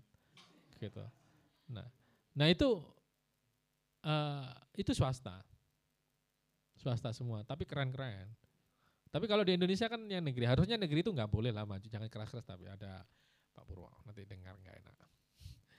Harusnya negeri itu maksudnya begini. Negeri itu ya untuk orang umum gitu. Gak usah favorit favorit. Yang favorit itu harusnya swasta. Itu. Kalau dalam konsep konsep-konsep ini ya, kalau menurut saya begitu. Atau negeri semua kalau negaranya kaya sih nggak masalah gitu, tapi jarang. Terus kemudian kemudian soal kepemimpinan tadi sudah saya singgung, faktor individu sudah saya singgung, soal administrasi, nah administrasi ini juga administrasi itu ribet sekali di perguruan tinggi kita itu. Uh, ribet gitu. Anda kan sering itu ngurus administrasi di kampus. Sudah ngumpulkan data, setiap semester ngumpulkan data lagi gitu. Iya ada yang gitu ya? Padahal sudah ngumpulkan data, harusnya sudah selesai ngumpulkan data itu di awal aja. Nama bapak, nama ibu, pekerjaan bapak, pekerjaan ibu, alamat segala macam, segala macam gitu, apa hal-hal yang begitu tuh. Nah itu setiap semester ngumpulkan lagi gitu. Aneh kan? Harusnya cukup sekali aja gitu. Nah kayak gitu, itu salah satu contohnya banyak administrasi riset yang lain yang menjadi masalah nanti kita elaborasi kalau ada pertanyaan. Uh, terus kebebasan akademik juga otonomi perguruan tinggi gitu kebebasan akademik sekarang menurun ya. Uh, uh, apa namanya? Dulu tuh ada anak-anak memutar memut, di UGM itu memutar film senyap tuh. Diskusi film senyap. Di UIN juga, masih ingat ya? Nah, ya di UIN juga di sini juga di UGM diserbu itu sama kelompok-kelompok radikal kan. Dan pemerintah nggak bisa apa-apa bisa diserbu. Harusnya pemerintah men, apa namanya menangkap orang-orang yang menyerbu itu karena sudah masuk kampus misalkan begitu, sudah mengancam gitu. Tapi enggak, diskusinya malah ini, rektornya enggak berani gitu. Polisinya juga enggak berani diam. Nah faktor-faktor kayak begini tuh kebebasan akademik menurun. Kalau kebebasan akademiknya menurun nggak nggak bisa orang berpikir uh, bebas gitu. Padahal dunia ilmu pengetahuan itu harus berpikir, harus berpikir bebas gitu. Itu. Banyak juga selain itu kemarin ada diskusi yang profesor dari UI itu kena teror terus yang diskusi di Fakultas Hukum UGM. Itu. Karena menyinggung akan soal soal apa ya, penurunan presiden atau apa gitu. Temanya temanya sensitif lah pada penguasa gitu. Kemudian ada orang yang menyerbu. Jadi profesor itu rumahnya digedor setiap malam. Bayangkan itu. Takut itu profesornya. Perempuan profesornya. Meskipun laki-laki saya kira kalau didatangin orang digedorin setiap malam ya takut. Gitu. Dilemparin batu gitu. Dilihat nggak ada orangnya kan takut juga gitu. Nah kayak gitu. Nah ini ini kalau nggak sudah nggak sudah berkurang itu kebebasan akademik itu akan akan sudah jadi banyak hal gitu yang yang saya nggak bisa menjelaskan satu persatu baik itu secara teoritis tadi yang jelas saya mencoba memberikan pelajaran pada teman-teman semua kita belajar bersama bahwasanya kalau kita mengkaji sesuatu itu harus jelas dulu basisnya basis teoritisnya kemudian harus uh, apa namanya harus kuat juga gitu dari sisi itu sehingga kita ngomongnya juga tidak sembarangan gitu. Nah itu penting. Saya kira itu dulu Mas Lukman uh, bisa diskusi nanti uh, uh, dari beberapa pertanyaan nanti mungkin begitu ya terima kasih. Oke terima kasih Pak Yakin. Tepuk tangan teman-teman.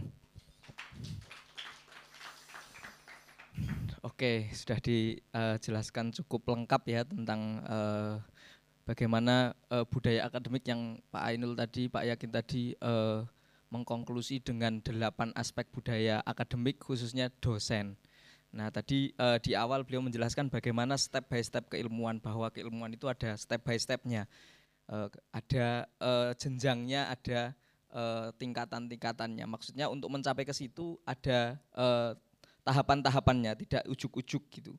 Kemudian, uh, nah uh, permasalahan-permasalahan yang terjadi seperti yang sembilan, eh, delapan yang disebutkan tadi, nah itu eh, cukup pelik ya untuk diselesaikan. Kemarin kita sudah eh, berbicara tentang bagaimana secara makro, secara eh, apa, secara makro keilmuan-keilmuan yang yang ada di Indonesia gitu. Apalagi kalau sekarang kita menyebut tadi eh, Pak Ainul mencontohkan budaya akademik di era Abbasiyah, di era Umayyah yang integratif gitu ya antara keilmuan agama, sains, sosial dan lain sebagainya menjadi satu dalam uh, tubuh satu orang, dalam pikiran satu orang gitu. Satu ilmuwan nggak cuman ahli di bidang satu bidang tapi ahli juga di bidang lain.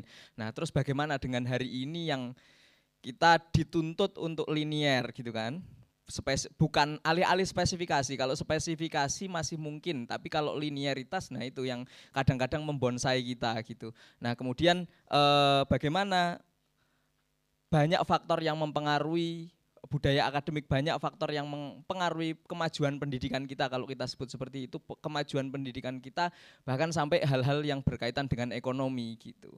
Nah, eh, monggo teman-teman semua pertanyaan-pertanyaan terbaiknya disiapkan, dipertanyakan. Nah tadi nampaknya Pak, Pak Yakin baru menyampaikan pada uh, level artefak dan core values. Kalau tadi melihat melihat uh, gunung esnya gitu kan, belum sampai underlying. Nah ini teman-teman monggo dikejar uh, Pak Yakinnya sampai ke underlyingnya. Seperti apa sebenarnya uh, budaya akademik kita bahkan mungkin dari perspektif teman-teman e, di sini yang dengan latar belakang teman-teman sendiri gitu dari segi sejarahnya dari segi agama dan lain sebagainya. Silahkan saya buka kesempatannya. Oke monggo. Satu dua oke tiga oke.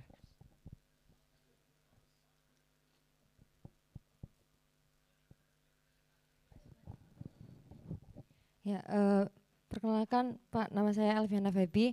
Di sini saya tadi tertarik Alfiana Febi, Pak. Iya.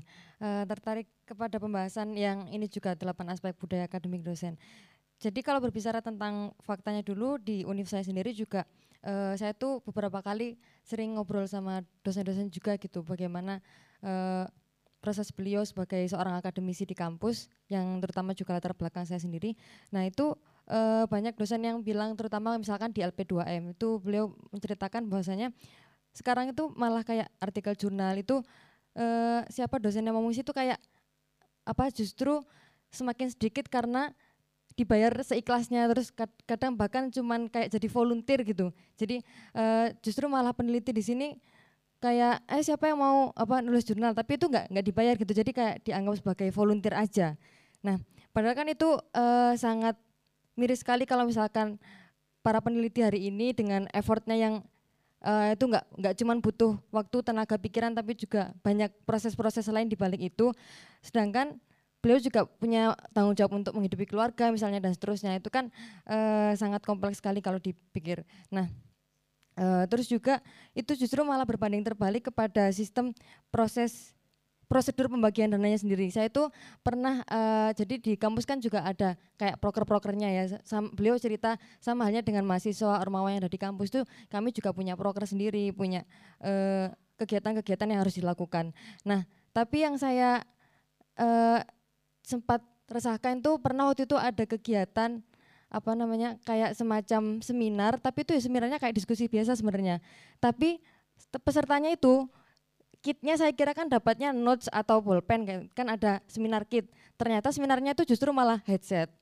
Sebenarnya pernah power bank. Terus kak kalau dikalikan dan bahkan tuh yang yang tahu akses seminar ini cuman organisasi mahasiswa saja yang dikasih tahu, tapi yang mahasiswa secara umum ini nggak tahu ada acara-acara semacam itu. Dan kami juga uh, kan tahu itu karena diberitahu dosen dan dosen juga tidak me, apa namanya tidak memberikan ya mempublikasikan ke secara umum gitu ke mahasiswa yang lain. Nah, yang nah justru malah dananya itu dialihkan ke yang hal-hal yang saya rasa kurang penting gitu. Apa kenapa kok nggak dibuat hal-hal yang lebih penting aja misalkan kayak uh, di di sana tuh juga ada apresiasi karya mahasiswa misalkan mahasiswa yang berhasil uh, karya ilmiahnya itu terbit di media atau terbit di artikel jurnal itu dapat uang apresiasi gitu. Tapi itu juga nggak ada yang pernah turun. Saya juga pernah ngurus itu selama satu tahun. Ya, ujung-ujungnya kayak jadi wacana aja. Tapi malah halal kegiatan yang sepele semacam ini terus diinikan. Nah, uh, tapi di sisi lain beliau-beliau juga bercerita bahwasanya memang prosedurnya itu sangat sulit dan lebih dipermudah kalau hal-hal yang semacam itu karena mungkin SPJ-nya lebih gampang, terus birokratnya juga lebih menerima dan kayak gitulah. Nah, itu kan sebenarnya sistem juga sangat mempengaruhi kenapa kok beliau beliau-beliau ini juga membuat keputusan yang semacam itu. Nah, terus uh, ini juga berdampak misalkan kayak di mahasiswanya sendiri. Itu kadang absen apa presensi kehadiran mahasiswa mengklik jurnal eh mengklik artikel jurnal itu jadi kewajiban gitu. Jadi presensinya ngeklik ini. Kadang cuman perintahnya kan karena ngeklik aja ya udah. Akhirnya kita cuma ngeklik terus keluar lagi. Nah, padahal kan itu kadang berpengaruh ke akreditasi. Oh, yang akses sekian ribu mahasiswa padahal sebenarnya ngaksesnya cuma ngeklik doang, nggak dibaca. Nah, itu kan kayak jadi miris sekali ketika uh, kampus kita melihat wah akreditasi A plus dan seterusnya. Tapi nyatanya realitasnya itu hanya framing di depan saja, di baliknya tuh bobroknya banyak gitu. Kalau kasarnya mungkin seperti itu. Nah, terus juga di kampus saya itu ada yang jadi di jurusan saya ada yang IAT program khusus. Jadi kayak semacam program internasional yang itu uh, dari segi beasiswa itu sudah apa? Sebenarnya awal mulanya itu didirikannya ini kayak semacam kelas eksklusif lah kayak ya generasi emasnya di di Usuluddin sendiri itu ada namanya Fakultas Usuluddin program khusus. Nah, di situ juga dari segi pembelajarannya bilingual, terus ada beasiswa kitab, ada beasiswa asrama dan seterusnya lah. Nah, kian tahun itu semakin menurun, beasiswanya mulai dipotong, entah dibuat proyek makhat, dibuat ini dan seterusnya lah. Terus eh, yang awalnya ada selektif tapi sekarang diobral kayak eh siapa yang mau masuk gitu. Akhirnya kayak kualitasnya pun ya semakin menurun dari segi eh, selektivitas terhadap kelas tersebut kemudian beasiswa-beasiswa itu mulai ditiadakan dan akhirnya ya udah jadi biasa aja gitu meskipun mungkin orang melihat wah FOPK ini gini-gini tapi kian tahun generasinya itu semakin turun dan jadi nggak ada semangat juga dari mahasiswanya karena kok aku lihat senior-seniorku kok dapat gini ya tapi kok kita enggak wah udah biasa aja kayak ya ujung-ujungnya kayak cuma jadi formalitas gitu. Nah e, di sini saya juga minta tanggapan dari bapak bagaimana supaya apa ya kita sebagai mahasiswa kan juga nggak bisa e, menyalahkan 100% kepada baik yang menjalankan entah itu dosen-dosen sendiri ataupun juga sistem uh, dari kampus yang mungkin juga punya tekanan-tekanan atau punya target lah istilahnya uh, ketika menjalankan hal-hal tersebut. Terima kasih.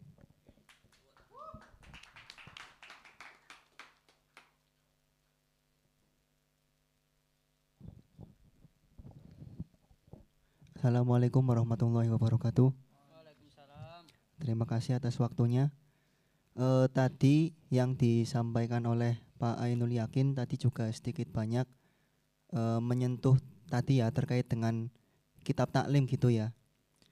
Uh, gini, jadi pada salah satu kitab taklim itu syair-syairnya kan kemudian dirangkum jadi satu kitab. Kitabnya itu namanya kitab alala yang biasa dijadikan pembelajaran di pesantren.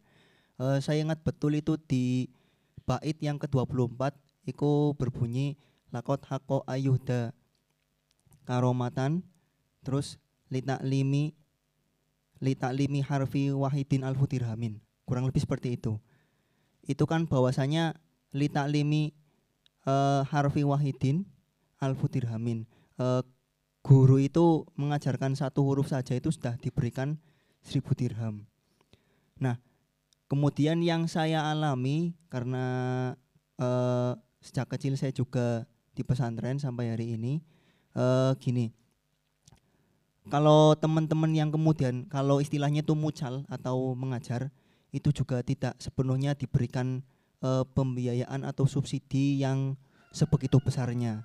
Karena yang uh, banyak kita gunakan bersama itu adalah bukan bukan orientasi pada masalah seberapa kita mendapatkan uangnya. Atau kalau di pendidikan yang formal itu misal sekian jam itu dikalikan berapa rup, uh, berapa rupiah gitu misal seperti itu. Uh, jadi karena orientasinya tidak berorientasikan pada material kemudian ya sudah sistemnya tidak menggunakan gaji setahu saya dan sepengalaman saya itu dengan menggunakan bisyarah itu yang pertama. Uh, kemudian yang kedua itu terkait dengan budaya atau sesuatu yang sering menjadi kebiasaan dari pelaku pendidikan itu sendiri baik sebagai pengajar ataupun sebagai yang uh, menjadi peserta didik kira-kira seperti itu. Masih sama di kitab taklim juga itu juga berbunyi la buddha li bil ilmi an syahril layali. Jadi pakainya itu la buddha. Sudah tidak boleh tidak bahwa yang namanya pelajar atau santri itu harus melek wengi. Itu wajib.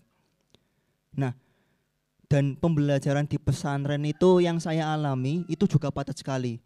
Mulai dari pagi sampai pagi lagi itu hampir waktu istilahnya itu sebentar. Padahal secara teoritis yang saya tahu beberapa kajian saya dalami itu e, maksimal itu otak itu ngemot ilmu atau ngemot materi itu hanya sampai sekitar kurang lebih lima jam. Tapi yang saya alami juga dengan sepersekian banyak ilmu yang eh, saat itu saya kaji dari setiap setiap harinya dengan sebegitu padatnya, tapi tidak tidak mengurangi apa istilahnya beban pengetahuan yang saya dapat. Tentunya ada ada pembelajaran-pembelajaran yang lain. Eh, seperti contohnya misal kalau kita ngaji posonan misal di daerah Jawa Timur atau di mana itu dari pagi sampai pagi lagi kita harus mengasah-ngasih kitab itu full. Hampir tidak ada waktu nganggur. Itu kan dan itu tanpa dijelaskan dengan panjang lebar. Tapi ada makna misal kita harus bersabar atau kita harus senantiasa takdim kepada seorang guru dan sebagainya. Nah itu eh, atas hal tersebut dengan tadi yang apa namanya ada subsidi atau ada uang yang kemudian tadi ilmuwan itu dapat meng- menghasilkan beberapa pengetahuan-pengetahuan baru atau karya-karya yang kemudian masyhur. Kemudian yang tadi masalah eh, iklim atau budayanya itu yang seperti itu kemudian dengan itu paling paling paling mentok itu lima jam. Itu saya minta pendapat dan tanggapan dari bapak itu gimana? Begitu. Terima kasih. Wassalamualaikum warahmatullahi wabarakatuh Tepuk tangan teman-teman. Oke, eh, assalamualaikum warahmatullahi wabarakatuh. Perkenalkan nama saya Dimas Restu Muhammad asal Wonosobo. Jadi eh, ini juga materi yang pas kiranya terkait Islam dan sist- apa eh, perkembangan budaya pendidikan di Indonesia.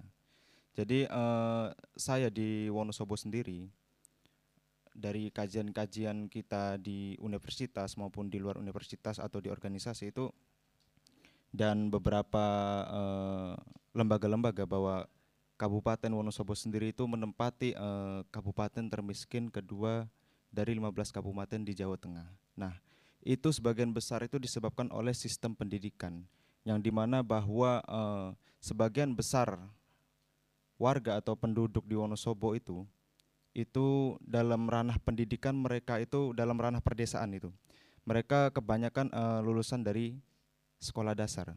Padahal kita lihat bahwa emang di Wonosobo itu rata-rata eh, warga itu bermata pencarian sebagai petani, petani kentang.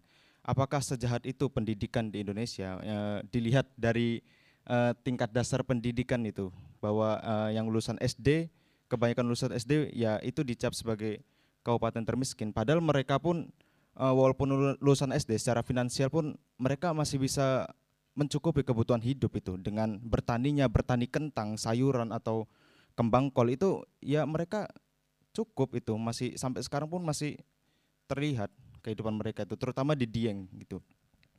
Nah, eh, juga yang saya pertanyakan ini sebenarnya eh, apakah sistem pendidikan ini udah dikomersialisasi? Kita tahu bahwa pendidikan SMK sendiri itu kan eh, bahwa siswa itu juga dilarikan ke industri ibaratnya seperti ini bahwa apa ya komersialisasi pendidikan itu pendidikan itu kan diperdagangkan gitu. Artinya eh, bahwa siswa atau mahasiswa itu dijadikan sebuah komoditi untuk segelintir orang tertentu untuk sebuah kepentingan gitu. Salah satunya SMK lulusan SMK itu rata-rata dilarikan ke industri gitu. Dan eh, mahasiswa sendiri pun juga seperti itu ada gitu Eh, kemudian eh, yang saya tanyakan kedua ini apa sih eh, terkait apa interpretasi nilai-nilai pesantren terhadap komersialisasi pendidikan gitu seperti itu. Nah eh, sedikit lagi bahwa apa? Duh lupa saya apa nih? ya seperti itu ada juga ya. Heeh interpretasi nilai pendidikan pesantren. Nah, itulah pokoknya pendidikan pesantren itu universal lah. Kita tahu bahwa pendidikan itu kita diwajibkan apa ya, belajar 12 tahun, tapi ketika eh, mahasiswa itu tidak dapat membayar secara lunas itu ya putus sekolah. Nyatanya putus sekolah itu. Padahal pemerintah itu mewajibkan belajar 12 tahun dan dalam undang-undang alinea keempat itu tujuan bangsa Indonesia itu kan mencerdaskan kehidupan bangsa, bukan membodohi kehidupan bangsa untuk dijadikan sebuah komoditi. Seperti itu. Terima kasih.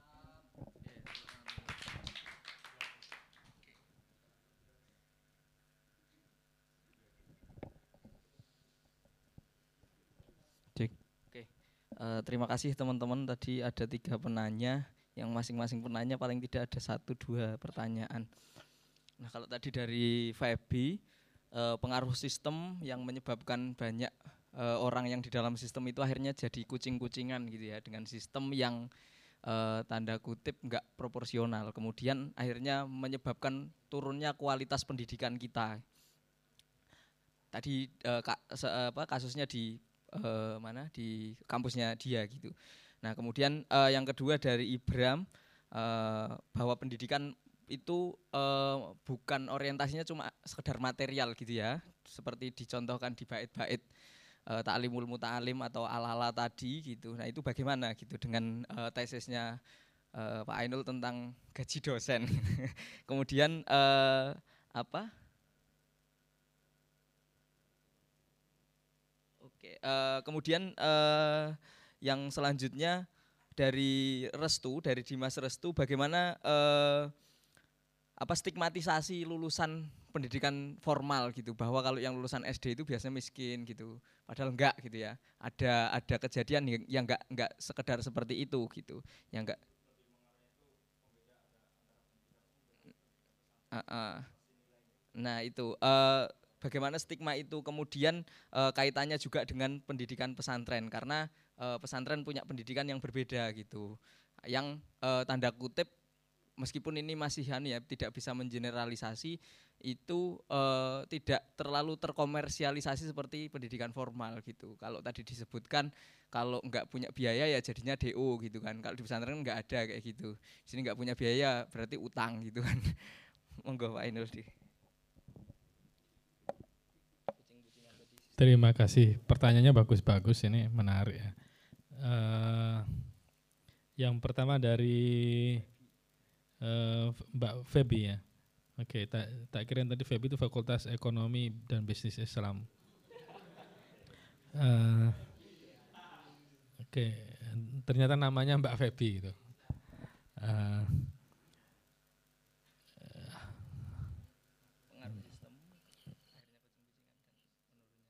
Oke, okay. ya um, terkait dengan pengaruh sebuah sistem uh, sistem itu sistem uh, bisa dari uh, administrasinya, bisa dari kebijakan polisinya, uh, bisa dari uh, kalau ngomong polisi ya bisa dari undang-undang dan aturan-aturannya.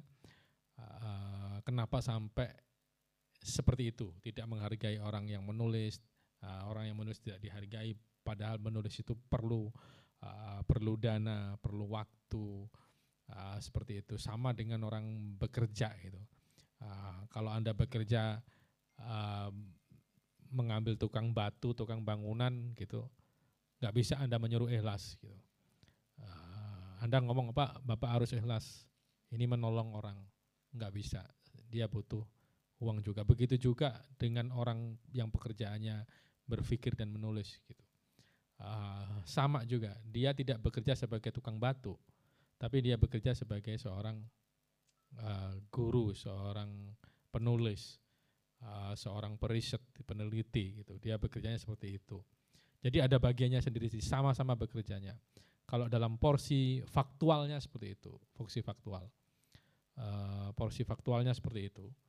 Uh, kalau terjadi apa namanya tidak ada penghargaan di situ memang ada sesuatu yang bermasalah gitu berarti. Yang bermasalah apa? Misalkan kalau soal uh, tidak adanya penghargaan tadi, berarti soal anggaran di situ, soal anggaran dana, soal anggaran pendidikan. Anggaran pendidikan kita itu kalau lihat anggaran secara nasional itu ngomongnya dalam undang-undang itu kan 20% dari anggaran belanja negara kan. Itu 20 ternyata enggak 20%. Ternyata tidak 20%.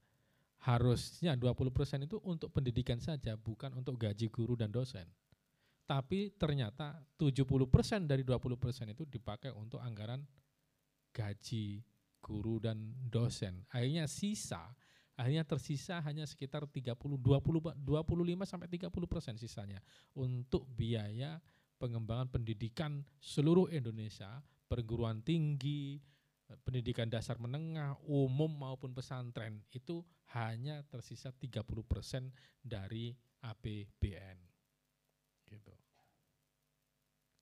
Padahal awalnya itu dalam undang-undang itu 20 persen loh. Yang diajukan dalam undang-undang 20 persen. Kenapa tidak jadi 20 persen?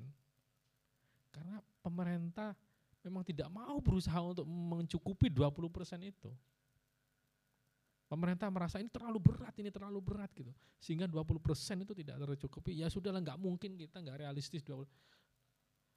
Amanah undang-undang itu 20 persen gitu. Dengan dana 20 persen itu bisa bagus pendidikannya. Karena apa? Mengelola pendidikan itu butuh uang. Mengelola pendidikan itu butuh listrik, butuh teknologi, butuh training guru. Gurunya harus di training tiap tiap tiap tahun secara kontinu gitu butuh uh, apa namanya uh, butuh tempat riset apa laboratorium gitu. Butuh alat yang alat itu sangat mahal gitu. Perkembangan teknologinya mahal gitu. Nah itu nggak bisa gitu nggak dipikir gitu. Kalau anggarannya itu rendah nggak bisa mencapai itu termasuk uang untuk remunerasi untuk dosen dan guru dan penulis itu tadi gitu. Dananya nggak ada gitu. Diputer-puter tuh nggak ada dananya gitu Jangan Anda bilang nggak perlu Pak begitu kita ikhlas itu. Loh kalau ikhlas ya semuanya ikhlas dong. Yang bayar listrik juga ikhlas gitu. Yang kerja juga ikhlas, yang nyapu juga ikhlas gitu.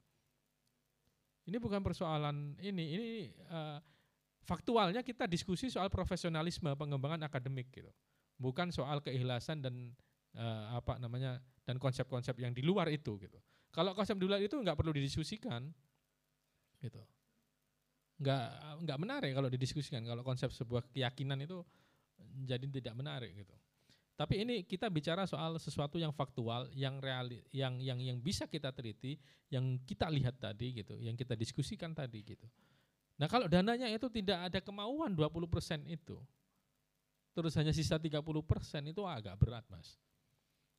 Itu dana untuk madrasah juga gitu. Nah kemarin isunya justru yang madrasah mau dibuang dari dari undang-undang pendidikan kan yang kemarin ramai itu kemudian diprotes itu. Kalau sudah dikeluarkan dari undang-undang pendidikan madrasah dan pesantrennya nggak bisa tercakup dalam undang-undang berarti nggak bisa bisa bisa turunan undang-undangnya itu bisa bermasalah, bisa tidak dibantu oleh negara gitu. Seperti era Pak Harto misalkan. Ijazahnya aja zaman Pak Harto itu nggak diterima pesantren itu. Alumni Sidogiri itu nggak bisa daftar IAIN gitu. Bisanya hanya daftar di Unisma, di Undar gitu. Karena tidak masuk dalam undang-undang dulu pesantren itu. Nah sekarang udah ada undang-undang pesantren, sekarang sudah ada sudah ada ini. Nah kembali pada pada tadi itu kurangnya penghargaan pada peneliti, kurangnya penghargaan pada pada dosen itu memang persoalan dana memang. Anggaran dananya memang terbatas gitu. Sedangkan untuk kerjasama dengan dengan dengan perusahaan swasta kita belum mampu untuk melakukan kerjasama yang yang kuat gitu harusnya anggaran dananya dinaikkan dulu anggaran-anggaran pendidikannya gitu. Kalau anggaran pendidikannya itu itu kan awalnya eranya eranya eranya Bu Megawati dulu dan 2003 itu memang dibuatlah undang-undang itu rancangan undang-undang pendidikannya itu 20% dari anggaran belanja negara itu anggaran pendidikan itu 20% dari APBN. Kemudian era SBY oke disetujui, tapi kemudian di pertengahan era SBY itu didegrad di, di, di ini dirubah gitu. Dirubah kemudian jadi 20% dari 20% itu e, masuk juga di situ anggaran untuk gaji guru dan dosen. Harusnya tidak masuk di situ anggaran gaji guru dan dosen, harusnya anggaran pembangunan atau anggaran yang lain gitu. Tidak masuk pada anggaran pendidikan. Kalau sudah masuk pada anggaran pendidikan, sisa 30%.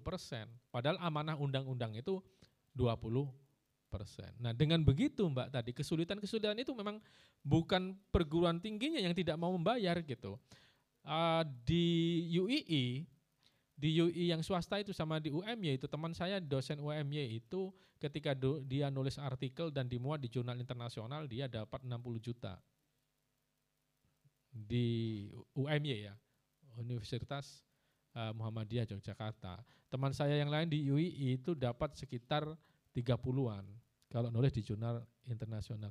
Ya memang nggak mudah nulis itu. Bisa saman itu setiap hari harus baca buku, sekian belas buku, sekian apa namanya harus riset, harus wawancara, gitu nggak mudah memang.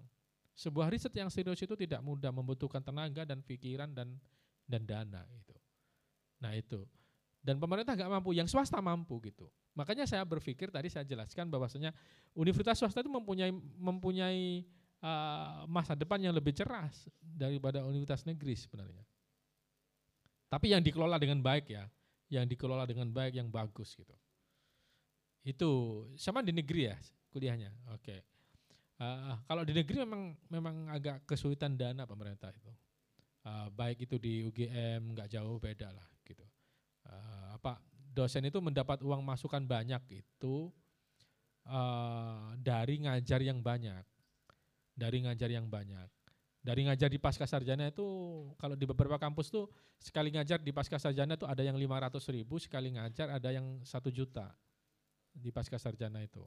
Kalau dia ngajar di pasca sarjana itu uh, misalkan lima kelas atau ngajarnya uh, lebih dari lima kelas, ya banyak juga sih mendapatnya gitu. Tapi terlalu banyak mengajar itu nggak ada waktu anda untuk membaca, riset gitu. Nah makanya itu kualitasnya tadi ini nulis juga agak kesulitan gitu. Nah itu itu persoalannya uh, Mbak. Jadi memang tidak uh, menjeng, memang yang swasta justru lebih lebih ini lebih apa uh, lebih bagus dalam memberikan apresiasi kepada mahasiswa maupun kepada dosen. Di UI itu uh, kalau nulis buku itu uh, kalau sudah draftnya jadi sekitar 100 halaman lah itu dapat 10 juta. Kemudian kalau draft uh, kalau sudah mau diterbitkan itu dapat lagi 10 juta, dapat sekitar 20 atau 25 itu satu buku dosen itu. Kalau di UIN nggak dapat. Gitu. nggak dapat nggak dapat apa-apa. Nah itu ini ya ikhlas beramal itu uh, uh, uh, ya ya kerepotan memang kerepotan untuk nerbitin buku aja kan harus bayar gitu untuk nerbitinnya gitu. Nah ini ini loh kenapa kemudian perguruan tinggi perguruan tinggi dan uh, yang bagus itu ya dosennya memang digaji dengan mahal karena dia untuk riset itu gitu. Kalau disuruh ikhlas, ya kita diskusi yang lain, bukan soal tema, bukan soal tema pemberdayaan uh, peningkatan kualitas gitu. Kita mungkin kalau itu diskusi soal uh, mungkin soal soal soal uh, ibadah gitu ya. Bolehlah kita soal ibadah itu kita diskusi soal tema-tema keikhlasan gitu. Itu. Nah, uh, terus kemudian pertanyaan yang berikutnya. Oke. Okay yang ya ya sudah kesinggung sebenarnya soal soal soal materi itu. Uh, begini ya, uh, di pesantren itu ada beberapa pesantren sekarang yang mulai sadar tentang pentingnya menulis tuh. Di Lirboyo itu lumayan ya, anak-anak alumni Lirboyo itu uh, apa namanya, uh, kalau mau lulus itu wajib nulis kan, ya wajib nulis dan itu bagus menurut saya. Ada kemarin itu yang nulis tentang uh, dalil-dalil uh, anti radikalisme gitu. Dalil-dalil anti radikalisme itu itu menarik itu booming bukunya dan laku keras. Uh, itu keponakan saya itu ikut nulis itu dia dapat uang dari buku itu sekitar habis sampai 70-an juta itu. Saking larisnya buku itu. Uh, apa namanya dia dapat uang banyak dari situ. Nah maksud saya tradisi-tradisi ini harus terus dikembangkan gitu di dunia pesantren gitu. Ternyata anak pesantren mampu juga menulis gitu dengan baik. Mungkin yang belum tradisinya itu tradisi riset. Kalau tradisi riset itu bukan hanya di pesantren yang belum ya, tapi juga di perguruan tinggi yang masih rendah tradisi riset itu. Apalagi di pesantren. Pemahaman kita kan di pesantren itu persoalannya hanya kalau kita nyantri di pesantren itu sebatas Oke, kalau kamu sudah hafal alfiah bisa baca kitab, oke selesai. Itu sudah sudah sudah bagus sekali gitu. Udah selesai di situ gitu. Tidak dalam kerangka risetnya gitu. Kenapa riset ini tidak sampai berkembang? Nah, ini pertanyaannya. Kenapa tidak meniru di era Abbasiyah gitu? Nah, ini perlu diriset lagi. Saya belum sempat ngaji itu gitu. Belum mengkaji itu. Kenapa tradisi di era Abbasiyah dan tradisi di apa Muawiyah apa namanya? Umayyah itu Kenapa enggak enggak sampai ke sini tradisinya gitu? Nah, dulu tuh yang lebih maju dulu memang gantian ya. Dulu itu Roma ya, eh apa Yunani. Setelah Yunani itu kemudian transmisikan ilmunya dikembangkan oleh uh, Baghdad oleh uh, Umayyah dan dan Abbasiyah. Kemudian setelah Umayyah Abbasiyah hancur ditransmisikan ke Eropa di Perancis gitu. Dimulai di Perancis, kemudian uh, dikembangkan di situ, kemudian berkembanglah universitas-universitas gitu. Sedangkan di jajaran uh, apa uh, Turki Utsman itu udah hancur semua gitu, udah lemah gitu, kemudian tertinggal sampai sekarang. Dan yang masuk ke Indonesia itu nggak sampai pada risetnya itu gitu loh. Tradisi riset itu nggak masuk di pesantren. Pertanyaannya kenapa tidak masuk ke pesantren tradisi riset itu? Harusnya pesantren itu menurut seorang peneliti uh, namanya Profesor Buhori sudah almarhum dulu peneliti LIPI dia uh, master dan doktornya dari Harvard. Uh, dia menurut Profesor Buhori sebenarnya pesantren itu sudah masuk kampus itu bagian dari internasional pesantren itu dari sisi bahasa dan kajian yang dikaji, buku-buku yang dikaji itu sudah internasional. Kitab-kitabnya sudah terbitan Baghdad, terbitan Mesir, terbitan uh, mana-mana gitu. Kitab yang dikaji itu. Sudah internasional, bahasanya udah lancar internasional gitu. Cuman pertanyaannya, why we stop only on reading gitu. Kita berhenti hanya di di membaca gitu. Why we don't research? Kenapa kita tidak tidak langsung ke penelitiannya? Pertanyaannya kenapa coba? Ada yang bisa jawab? Kenapa di pesantren itu? Kalau di pesantren ada pusat penelitian, keren loh itu. Sudah maju, udah kalah Harvard itu. Loh iya, UGM kalah, UI kalah. Karena apa? Basisnya basisnya dari semangat semangat keagamaan itu luar biasa sebenarnya. Dari basis semangat keagamaan, semangat kultural, semangat semangat apa ngawulo ke ke ilmu, ngawulo ke guru, ke kiai, itu luar biasa loh. Apabila kiainya misalkan kamu harus kembangkan penelitian ini nak. Oh enggak guru, enggak kiai. Wah asal gitu itu keren loh. Tapi kenapa nggak sampai ke situ gitu? Tidak sampai ke riset. Ini pertanyaan besarnya. Kalau sampai ke riset di pesantren itu, karena di pesantren itu orang ikhlas itu tadi, banyak enggak maksud saya betul bagus ada yang ikhlas itu. Kalau suruh iuran kan ikhlas itu. Kita datang ke Yai nggih pun kula ikhlas Yai uh, ngasih amplop ke Kiai gitu kan 200 ribu sama banyak itu di sini nggak cukup Kiainya kan itu bagus gitu karena karena dalam pikirnya Kiai itu konsentrasi untuk membina santri konsentrasinya wiritan udah nggak macam-macam doa untuk santrinya supaya supaya serius ngajar gitu itu bagus gitu Terlepas kalau kemudian kiainya berpolitik itu soal lain gitu. Itu urusan lain. Maksud saya yang tidak berpolitik itu misalnya konsentrasi di situ itu yang layak dikasih amplop gitu. Yang konsentrasi di situ. Nah, dengan kekuatan uangnya gitu. Di Sidogiri itu kekuatan uangnya itu dulu ya 10 tahun yang lalu itu sudah peredaran uangnya di koperasi Sidogiri itu 6 triliun. Koperasinya itu. Sekarang itu kemungkinan jauh lebih itu 10 tahun yang lalu. Sekarang itu kemungkinan 10 triliun apa. Misalkan punya satu triliun aja untuk biaya riset di situ. Kembangkan riset itu. Berapa peneliti hebat akan muncul di situ. Tapi kenapa nggak ada itu? Ide untuk riset itu kenapa gitu? Ini pertanyaannya. Kenapa di Abasia bisa riset itu sampai menemukan uh, Saman tahu tahu itu obat yang uh, apa namanya pemanis itu apa jenenge? Iya satunya yang yang eh, ngomongnya bukan sakarin apa? Yang putih itu loh mas. Citrun. Citrun itu. Citrun itu kan saya kemarin beli citrun itu gara-gara buka Google seret saya buka citrun uh, saya beli gitu. Saya beli untuk membersihkan uh, apa uh, kotoran di bak mandi itu loh. Yang sudah hitam itu ternyata dikasih citrun gitu, dibiarkan 30 menit itu putih bersih gitu. Kotorannya hilang. Padahal kita zaman dulu itu harus dikosok gini kan, sampai gini itu nggak hilang-hilang gitu. Dikasih citrun, dibiarkan satu jam, rontok semua gitu. Nah setelah baca di Google ternyata penemu citrun siapa anda baca? Itu era Abbasiyah.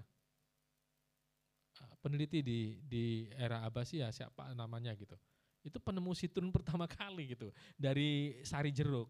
Yang nemukan itu era Abbasiyah loh ilmuwan Islam. Banyak temuan-temuan yang lain gitu.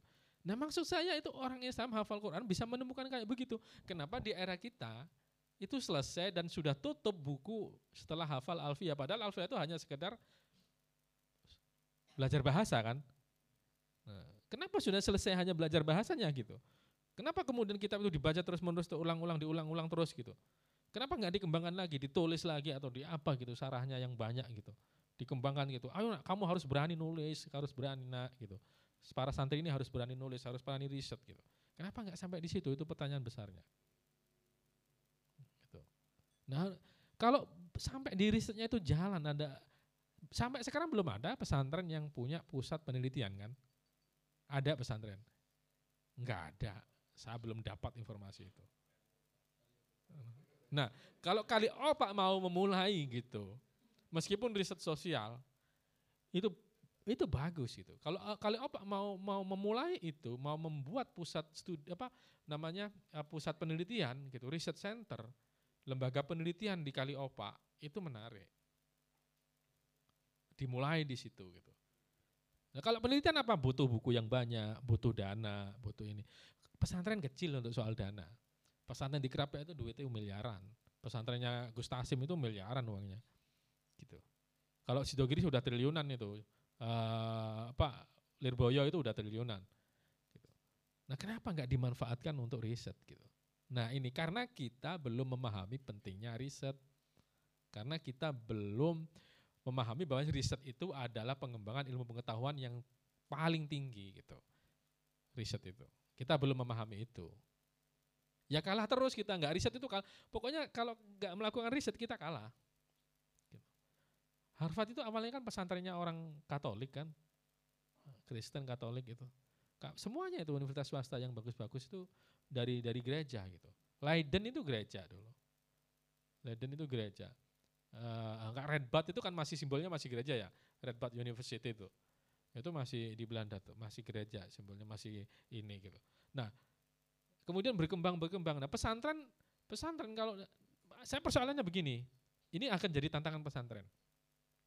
Kalau Anda melakukan riset di dunia pesantren, riset itu membutuhkan sesuatu yang objektif kan?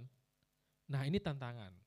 Apa berani pikiran-pikiran objektif itu dikelola di pesantren? Sedangkan di pesantren itu bertentangan dengan pikiran objektif dalam beberapa budayanya. Nah itu, itu yang jadi persoalan gitu. Siap tidak para kiai, para asatidnya untuk menerima pikiran-pikiran objektif.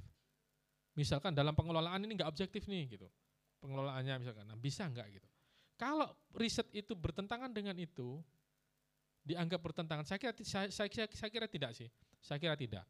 Itu bisa dikelola dengan, cuman memang akan sedikit berbenturan di awal-awal itu, akan sedikit berbenturan. Karena dunia riset itu kan uh, membutuhkan academic freedom. Academic freedom itu kan kebebasan berpikir, membutuhkan itu, kebebasan menganalisis. Nah ketika dia bebas menganalisis, bebas berpikir gitu, kemudian mempertanyakan, eh, ini manajemennya pesantren kok begini ya? Gitu. Bisa jadi kan begitu, ada pertanyaan begitu. Nah ini mengancam eksistensi pesantrennya kan, kalau ada pemikiran bebas begitu. Gitu. Nah itu itu tantangannya gitu.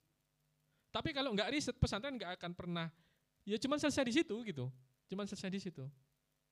Selesai selesai di memproduksi para ulama uh, dalam tanda kutip mohon maaf ya ini bukan bukan bukan saya bicara kasar atau apa. Ya membaca pandai membaca gitu. Pandai membaca pandai pandai berpidato pandai menjelaskan itu aja cukup di situ. Tapi tidak menemukan sesuatu yang baru. Itu.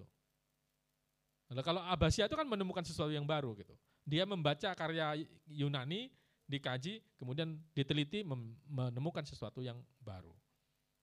Itu pertanyaannya. Sayang, menurut saya sayang sekali pesantren itu tidak sampai pada uh, apa namanya budaya meneliti gitu. Terputus hanya sampai di kita lama sekali itu belajar belajar bahasa itu terlalu lama gitu di pesantren itu. Terlalu lama belajar bahasa itu. Berapa tahun? belajar bahasa di pesantren? Enggak rata-rata itu. Tujuh tahun ya? Tujuh tahun, memang memang lama. Berarti harus diteliti tuh. Harus diteliti bagaimana cara menemukan uh, belajar bahasa Arab dengan cepat. Gitu. Nah itu harus ya ada beberapa ada amsilati, kemudian ada cara-cara yang baru dari Sidogiri itu yang hanya bisa ditemna. Itu harus dicari gitu. Tapi kan banyak yang datang juga nggak masalah, itu perdebatan akademik. Oh nggak bisa mas, kalau belajar bahasa memang harus lama. Kan ada yang percaya begitu juga kan. Ya, enggak masalah itu perdebatan akademik gitu. Itu nanti dibuktikan dengan riset-riset itu. Yang mana yang benar gitu. Nah, harusnya begitu gitu. Kalau soal budaya menghargai ilmuwan yang terdahulu itu sudah sudah bagus lah gitu. Uh, menghargai, tapi penghargaannya itu kadang kebablasan sampai-sampai kita nggak berani menulis menentang apa yang ditulis oleh kitab itu gitu loh. Gitu loh maksud saya. Kitab itu kan era-era Abbasiyah kan. Padahal di era Abbasiyah itu kritik-kritik itu bergulir terus gitu. Tapi setelah itu udah nggak ada gitu. gitu. Wah saya ini bukan apa-apa, saya ini bukan apa-apa ini, gitu kan. Kalau mengkritik karya ini kan ini, ya, ya kualat gitu. Nah, kalau dalam dunia ilmu pengetahuan sebenarnya nggak ada kualat. Yang kualat itu kalau Anda mengkafirkan ulama yang Anda kaji itu gitu. Ini kafir ini karyanya gitu. Nah, itu kualat gitu. Kalau mengkajinya gitu, mengkajinya meng ini enggak enggak akan gitu. Nah, itu itu perlu di ini perlu di apa namanya? Uh, ditradisikan. Saya kira kalau kali opak mau membuat nanti uh, Kang Jatul kalau ini mungkin mau berdiskusi mungkin ya nanti sama Mas Lukman gitu mungkin membuat lembaga riset gitu. Uh, mungkin akan jadi satu-satunya di pesantren di Indonesia yang punya lembaga riset. Gitu. Nah itu, itu harus dimulai. Belum ada lembaga riset di di seluruh Indonesia itu enggak. Kalau ada itu di Sidogiri dengan uang triliunan begitu, keren itu mas. Cuman hanya jadi objek penelitian aja. Banyak itu yang datang ke Sidogiri meneliti tentang ekonomi perekonomian koperasi Sidogiri gitu. Sampai dari luar negeri itu datang. Jadi objeknya penelitian gitu. Datang datang ke uh, Lirboyo meneliti gitu. Ya jadi objek penelitian saja. Kenapa enggak meneliti sendiri? Seneng itu kalau ada boleh datang gitu kan. Oh seneng, wah boleh datang, seneng gitu, meneliti. Nah kenapa enggak, enggak dibalik gitu? Disuruh meneliti santrinya, dikasih ini kemudian wah itu udahlah fokus di penelitian itu udah kalah universitas yang lain gitu. Nah fokus di Abasia itu eranya memang fokus di penelitian.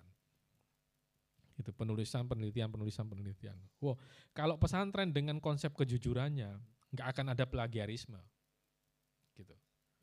Loh, iya, dengan konsep misalkan begini, Anda kalau plagiat ilmunya nggak bermanfaat, kalau pulang gila. Gitu. Misalkan begitu, udah percaya sudah wes, oh, jangan plagiat gitu. Kalau sampai plagiat ini bahaya, nggak bermanfaat ilmunya. Gitu. Kamu jadi orang gila nanti. Nah kayak begitu kan. Itu konsep pesantren tradisi yang bagus itu gitu. Jadi memegang teguh itu gitu. Nah, nah itu itu menarik kalau mau ya memang pusing orang penelitian itu pusing wong sekian banyak buku harus dibaca kalau meneliti gitu. Kalau sampai mau meneliti tentang satu tema kan harus banyak buku, baca buku, baca artikel, baca jurnal yang banyak gitu. Melelahkan memang baca itu. Terus apalagi risetnya gitu, melelahkan juga gitu. Nah kayak kayak begitulah. Nah itu andai kan pesantren melakukan itu udah selesai, universitas itu dilibas semua. Orang akan, wah oh ya nanti jadi pusat risetnya di Lirboyo ada, pusat riset di ini ada, wah keren sekali gitu. Hmm. Saya kira itu Mas Lukman. Ya. Oke, okay. Oke, ya stigma yang stigmatisasi pada pesantren. Uh, kalau tidak salah sih mungkin sudah ada yang mengkaji ya, Kang Holik itu mungkin mengkaji, Kang Jadul juga mengkaji soal pesantren. Kalau saya sih tidak tidak fokus ke situ. Saya juga ingin meneliti itu tentang perkembangan itu, tentang perkembangan budaya akademik. Tapi yang ditulis siapa mantan rektor uh, Wonosobo itu Pak siapa? Pak Zamasari itu tradisi pesantren itu menurut saya uh, bagus itu perlu dibaca kalau mau ngomong tentang tentang pesantren gitu tradisi itu. Uh, tapi saya juga pernah membaca uh, beberapa tulisan uh, kalau tidak salah sih uh, dulu itu memang di Jawa itu kan pendidikannya ya di pesantren. Uh, mungkin sudah dikaji oleh Kang Holik gitu.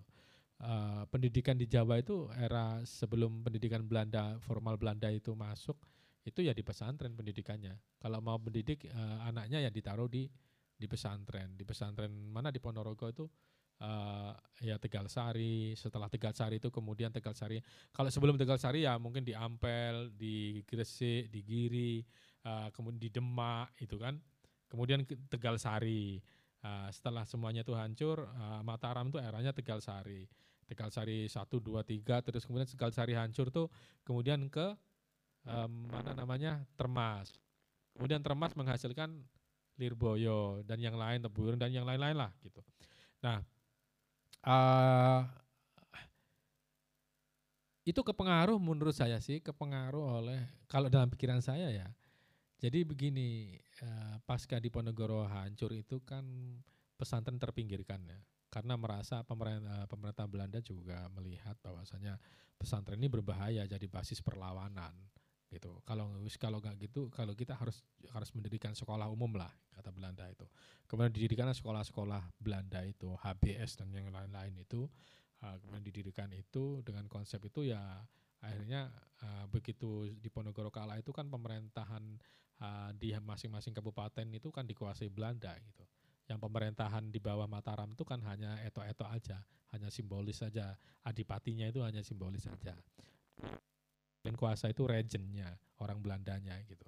Regennya itu orang Belanda dan orang Belanda itu kemudian saking lamanya di kita 300 eh, tahun lebih itu sampai mungkin Mbah Buyut kita itu kasihan ya. Ini ada kaitannya dengan pesantren nanti. Mbah Buyut kita itu mungkin dulu ada yang dari liang lahir sampai dia meninggal terus anaknya lagi meninggal lagi itu dalam kondisi dijajah itu. Kasihan sekali gitu. Ya benar kan? 300 tahun itu ya. Buyut kita itu ada yang begitu dulu. Jadi dia hidup dalam kondisi dijajah terus. Nah kondisi lama dijajah ini juga mempengaruhi mental. Mental kita sampai sekarang itu ada unsur kepengaruh. Beberapa peneliti begitu. Kita kan mentalnya kadang kalau melihat bule, kalau melihat ini kan seakan-akan hebat gitu. Pokoknya bule itu hebat lah gitu. Kalau ada padahal bulenya sama aja dengan kita gitu. Uh, apa kadang kadang kita sudah down gitu melihat bule itu. Nah, kayak kayak gitu. Rampung buat turun ini, tekek wis muni. Oh ya, oke. Okay. Nah, uh, maksud saya gini, uh, dalam pandangan orang ada juga mas, ada juga mungkin dalam pandangan bahwa pesantren itu memang memang tradisi kedua gitu, tradisi orang pinggiran gitu. Era saya masih kecil itu begitu, era saya masih kecil itu pesantren itu tradisi pinggiran, belum dilihat sama sekali gitu. Uh, pemerintah juga meminggirkan pesantren, pemerintahan Soeharto selama 32 tahun itu sangat meminggirkan pesantren dan NU. Uh, apa Ah, tidak dikasih apa-apa gitu, tidak dikasih bantuan, tidak dikasih ini. Ya, itu dimulai dari eranya Belanda. Pesantren itu dipinggirkan. Ketika di Ponegoro kalah kan terus Belanda berkuasa penuh gitu. Nah sejak itu terus pesantren dipinggirkan. Orang orang pada tertarik untuk sekolah di sekolah-sekolah Belanda oh, gagah dan inilah kalau sekolah Belanda itu gitu kan ya kayak ceritanya Pramudia itu Pram itu kayak begitulah gitu jadi orang-orang itu pada ingin sekolah di sekolah Belanda. Uh, apa namanya? Ya keren lah gayanya gaya Belanda gitu, pakai bahasa Belanda. Gitu kan kalau pak sore-sore ngopi orangnya putih-putih gitu, tinggi-tinggi gitu kan. Belanda itu kan kalau ngomong tentang orang Indonesia kan udah kumel, pendek-pendek, bodoh lagi gitu, menyakitkan omongannya. Iya, itu ditulis oleh Raffles. Itu dalam bukunya Raffles itu bilang begitu orang orang Indonesia, orang Jawa itu alah kecil kumel katanya bodoh katanya nah kasihan gitu jengkel saya dapat omongan kayak gitu nah itu terus terbawa itu terpinggirkan pesantren. Apalagi pesantren itu terus dipinggirkan. Nah uh, kalau ada stigmatisasi itu tapi sekarang mulai ini loh ya mulai berbeda loh sekarang. Pesantren itu udah mulai dipercaya orang loh. Um, orang Muhammadiyah orang orang Muhammadiyah itu cerita sendiri pada saya, kalau soal ilmu agama mereka angkat tangan sama orang NU. Uh, eh, mereka sebenarnya sudah sangat percaya itu. Kalau soal nahu sorof, soal baca kitab kuning udah selesai kata. Kita nggak punya kader kata orang Muhammadiyah. Yang suka yang suka pengajiannya Gus Baha itu bukan hanya orang NU loh. Gitu. Orang Muhammadiyah juga suka. Itu. Orang bahkan orang-orang Salafi itu juga suka dan mengaku itu. bahwasanya eksistensi sekarang kan eksistensi orang orang-orang pesantren itu lumayan naik loh. Nah, uh, uh, uh, apa namanya? Nah mungkin, mungkin gini, kayak tadi itu mas, agar nilai pesantren itu menjadi naik ya, kemungkinan kalau dibarengi dengan riset itu tambah naik lagi gitu. Kalau dibarengi dengan riset itu, riset itu kan tradisi ilmiah, tradisi modern kan, dan tradisi, tradisi orang maju dan itu sudah dilakukan oleh era Abbasiyah tradisi itu. Dan semua ilmuwan barat mengakui itu. Tapi sekarang katanya Ade Armando itu, ya, sekarang ada Ade, Ade Armando kan Ade Armando bilang tuh, Islam ini bodoh, apa namanya? Bener loh omongannya Ade Armando. Ada benernya loh omongannya Ade Armando. Katanya apa? Islam itu tengkar terus, ya kan? Tengkar terus, perang terus, nggak mikirin ilmu pengetahuan. Lo bener loh omongannya, terbukti loh nggak ada riset kan di kita, nggak mikirin riset gitu perang terus soal politik gitu. Terutama di di ya, Timur Tengah. Di sini juga sekarang mulai begitu kan. Perang terus tuh yang FPI lah, HTI lah, 212 gitu. Wah, ribet sekali. Dimanfaatkan politik, iya dimanfaatkan politik gitu. Karena apa begitu ya? Karena memang wawasannya rendah gitu. Dimanfaatkan mau gitu. Kajiannya itu terbatas gitu. Sehingga apa? Wacananya terbatas gitu. Wacananya ya surga, neraka gitu aja. Musuh, uh, jihad gitu aja. Jihad ya jihad terbatas pada jihad jihad fisik gitu. Nah, atau keterbatasan itu kan dari ilmu pengetahuan gitu. Enggak mungkin enggak dari ilmu pengetahuan. Dari ilmu kalau ilmu pengetahuannya bagus, wawasannya bagus dan dia rajin membaca gitu. Akan susah di ini gitu. Di di di, di dipermainkan gitu. Dan uh, sudah terbukti gitu. Itu integral tadi. Kalau risetnya bagus, berarti anggaran risetnya apa? Besar gitu. Kalau anggaran risetnya besar, berarti ilmu pengetahuannya besar itu perguruan tingginya. Nah, kalau perguruan tinggi negaranya kuasa gitu. Iya kan? Negaranya kuasa gitu. Nah, menurut saya mungkin uh, pesantren itu kalau dari sisi ekonomi sekarang sudah bisa mengembangkan ekonomi mandiri bagus itu. Saya kira enggak enggak untuk sekarang tidak tidak termarginalkan kok pesantren itu untuk sekarang. Untuk sekarang sudah mulai berkembang dan orang pada melirik pesantren sekarang. Gitu. Terutama ketika uh, kehidupan apa namanya? kehidupan giroh keagamaan itu meningkat di kalangan kelas menengah atas Jakarta itu. Tapi sayangnya yang menampung mereka kemudian adalah uh, apa namanya? kelompok-kelompok uh, takfiri itu. Yang menyediakan sekolah itu kelompok takfiri. Nah ini yang berbahaya di situ. Ba sekarang itu anak-anak umum itu pada sekolah di pesantren mas. Dikirim ke Bogor, dikirim ke mana? Uh, Depok gitu ya. Yang pusatnya 212 itu. Nah, banyak pesantren pesantren yang ke arah sana Pak. Nah, ya, saya kira saya kira itu Mas. Kalau dalam di satu sisi memang iya sih ada yang yang yang yang yang menganggap pesantren itu pinggiran tuh masih ada sebagian masyarakat. Tapi memang saya punya pengalaman begini. Tetangga saya itu saya bilang anak saya itu saya pondokkan. Mulai dari SMP sampai SMA di pondok 6 tahun gitu. Terus tetangga saya itu bilang, kok aneh pak sama nih pak anaknya kok di pondok ke? Yang bilang begitu aneh itu banyak loh.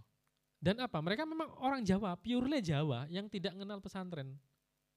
Menurut mereka itu kita nggak mondokkan anak itu aneh kata mereka itu. Kenapa nggak ditaruh rumah kan sama kehilangan waktu dengan anak itu kata mereka itu. Yang orang Jawa itu. Kalau orang Jawa kan ya SMA, negeri, SD, uh, SD mana? Uh, SD favorit gitu kan, terus SMP 5, terus SMA 3 gitu kan. Uh, kayak begitu kan SMA 1, SMA 8, SMA 5 gitu. Udah kemudian masuk PTN gitu. Itu kan tradisi-tradisi uh, masyarakat umum gitu. Kalau tradisi saya di rumah saya kan harus nyantri gitu. Wis pokoknya nyantri, pokoknya nyantri gitu. gitu. Enggak ada alasan yang lain gitu. Tradisi zaman mungkin sebagian begitu, pokoknya nyantri. Tapi sebagian lain ya tradisinya beda gitu. SD uh, eh, apa SD favorit, SMP favorit, SMA favorit gitu. Nah, uh, menurut mereka itu tradisi mondokkan itu memang memang anu yang orang-orang begini ini memang aneh tradisi mondokkan ini orang sekelas Profesor Pak Mahasin, Profesor uh, Pak Malik itu mungkin pasnya sudah profesor ya Pak Malik ya, saking nggak mau ngurus aja dia kalau soal ilmu keagamaan gitu. uh, menye, ber, Pak Malik itu pernah cerita menyesal tidak dulu tidak mondokkan anaknya. Anaknya itu masuk UGM semua karena lingkungannya dulu Pak Malik itu dosen sudah pensiun, dosen uh, apa namanya dosen UIN, IAIN. Kemudian dia tinggalnya di perumahan dosen dulu di samping kampus itu. Nah, terus kemudian karena lingkungan di situ itu anaknya pada sekolah favorit semua, SMP 5, SMA 3 gitu. Nah, anaknya Pak Malik juga ikut juga gitu. Dia SMP 5, SMA 3, terus kemudian masuk UGM gitu. Nah, terus kemudian kitab-kitabnya itu saya main ke sana itu aduh Dek yakin saya orang Madura kan dia. Aduh Dek yakin. Bingung saya ini Dek gitu. Kenapa Pak Yai? Saya kitab ini banyak Dek. Gak ada yang baca ini anak saya nggak ada yang baca semua ini harusnya saya bondokkan dulu anak saya tuh gitu. jadi karena lingkungan itu begitu gitu nah sekarang orang mulai sadar gitu orang mulai sadar Pak Malik itu terus kemudian kemarin ketemu saya ingin mondokkan cucu saya katanya biar bisa baca kitab gitu emang kitab saya tuh yang banyak tuh gitu. nah uh, maksud saya kesadaran orang untuk mondok itu sekarang sudah tinggi mas gitu loh sudah enggak di apa namanya di stigmatisasi pondok itu rendah itu enggak. Kayak pondok pondoknya Pak siapa Pak Asep itu di mana? Di Mojokerto, Pak di mana pondok apa pesantren apa? Amanatul Ummah itu. Itu uh, setahun terakhir strateginya bagus tuh pondoknya. Jadi agar anak-anaknya bisa masuk PTN favorit dalam satu tahun terakhir kelas 3 itu itu didatangkanlah Inten, tahu Inten? Inten itu lembaga bimbingan itu loh, kayak GO gitu. Didatangkanlah di situ selama satu tahun, datang ke pesantren situ Inten, terus kemudian entah Inten entah GO pokoknya lembaga bimbingan lah. Kayaknya Inten si model-modelnya. Nah kemudian di situ, tapi karena memang bayarnya kan mahal gitu. Memang mahal tau pondok di situ. Bayar bimbingannya itu kalau nggak salah antara 12-an sampai sekarang itu 14 atau 15 juta. Bimbingan dalam setahun untuk uh, persiapan masuk tes SBMPTN itu. Nah itu dibimbing semua di situ selama satu tahun. Ya bisalah ngerjakan soal gitu. Nah untuk untuk ngerjakan soal SMPTN-nya gitu, apa SBMPTN-nya gitu. Nah kemudian mayoritas bisa masuk. Anak teman saya itu kemarin dua orang tuh ITB dan ini yang dari situ dia masuk ke ITB, masuk ke UI, masuk ke ini rata-rata masuk PTN gitu. Nah itu bisa memang kalau di, nah pesantren begini nih sekarang dicari gitu. Nah dia pesantren yang dicari itu macam-macam gitu. Nah, pesantren kan punya segmennya sendiri gitu. Uh, Lirboyo ya begitu, Sidogiri begitu, Matolek begitu, pesantren uh, yang modern begitu, apa namanya Gontor begitu gitu. Ada segmennya sendiri. Saya kira uh, mungkin lemahnya hanya di riset ya. Lemahnya di riset itu tadi pertanyaan saya, kenapa tidak ada riset itu?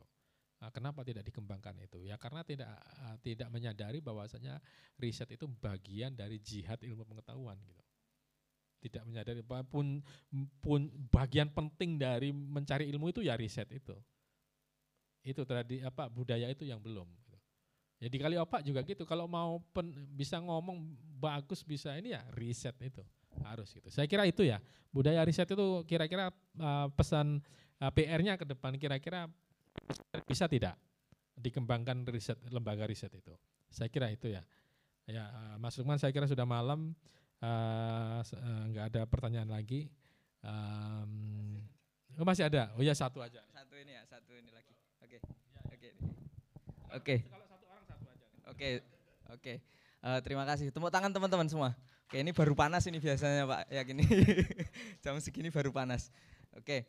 Uh, tadi pemanasan ya ini mulai panas. Oke, uh, sedikit uh, catatan ya tadi di, disampaikan sama Pak Yakin tentang uh, tradisi kritis, tradisi kritisisme gitu ya, riset dan lain sebagainya itu memang kita mengalami keterputusan. Kita maksud saya ya pesantren gitu ya.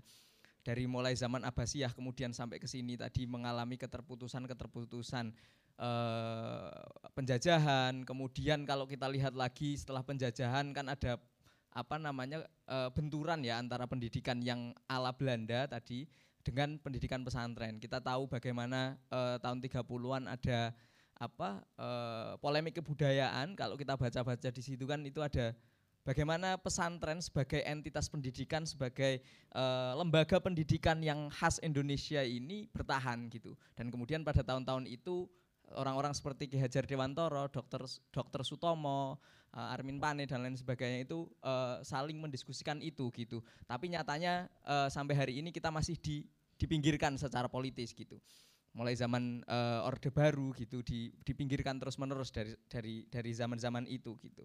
Nah mungkin kita perlu untuk menggali itu gitu supaya uh, tradisi yang tadi disebut sama uh, Pak Yakin sebagai tradisi riset budaya riset ini tumbuh kembali gitu. Bagaimana perdebatan-perdebatan uh, yang tadi sebenarnya disebutkan kayak uh, dicontohkan seperti pondok pacet, amanatul umah dan lain sebagainya itu itu sebenarnya perdebatan-perdebatan bentuk dari uh, produk dari perdebatan-perdebatan yang dilakukan oleh uh, Ki Hajar Dewantoro dan kawan-kawan pada uh, polemik kebudayaan gitu. Bagaimana konsep pesantren sebagai pendidikan khas Indonesia ini membangun rakyat Indonesia, membangun manusia-manusia Indonesia. Nah, sekarang kita mengalami keterputusan itu lalu seperti apa uh, ke depannya dengan tanpa uh, kesadaran tentang tradisi kritis itu gitu. Monggo uh, pertanyaannya singkat saja ya ini, singkat saja tapi silahkan uh, siapa yang mau bertanya ada tadi udah dua orang yang ngacung, uh banyak sekali ini. Tapi singkat saja ya teman-teman mohon. Terima kasih. uh, perkenalkan saya Putra. Uh, izin Pak uh, tanya, uh, menurut Bapak lembaga pendidikan di Indonesia itu uh, apakah sudah memanusiakan manusia, uh, manusia memanusiakan siswa gitu ya. Karena saat ini itu banyak siswa itu salah jurusan kayak gitu. Kemudian uh, mereka belum menemukan passionnya terus sekolah ya karena tuntutan orang tua misalnya kayak gitu. Sehingga sekolah hanya untuk menuntaskan kewajiban saja untuk mencari nilai biar lulus biar dapat kerja kan kayak gitu kemudian uh, nyatanya uh, yang terjadi itu justru lulusan-lulusan sekolahan itu malah banyak juga yang nggak kerja kayak gitu pengangguran kayak gitu. Nah itu bagaimana apakah uh, apa sudah memanusiakan? Karena disebabkan menurut saya karena kesetaraan pak gitu. Jadi semuanya misalnya kalau ada gambar misalnya ikan ada kera ada gajah gitu kan semuanya dituntut jadi burung kayak gitu. Kan nggak mungkin juga kan kayak gitu. Sama satu lagi itu bagaimana menurut bapak tentang uh, schooling ya atau uh, sekolah dari rumah gitu. Itu saja menurut saya. Terima kasih pak.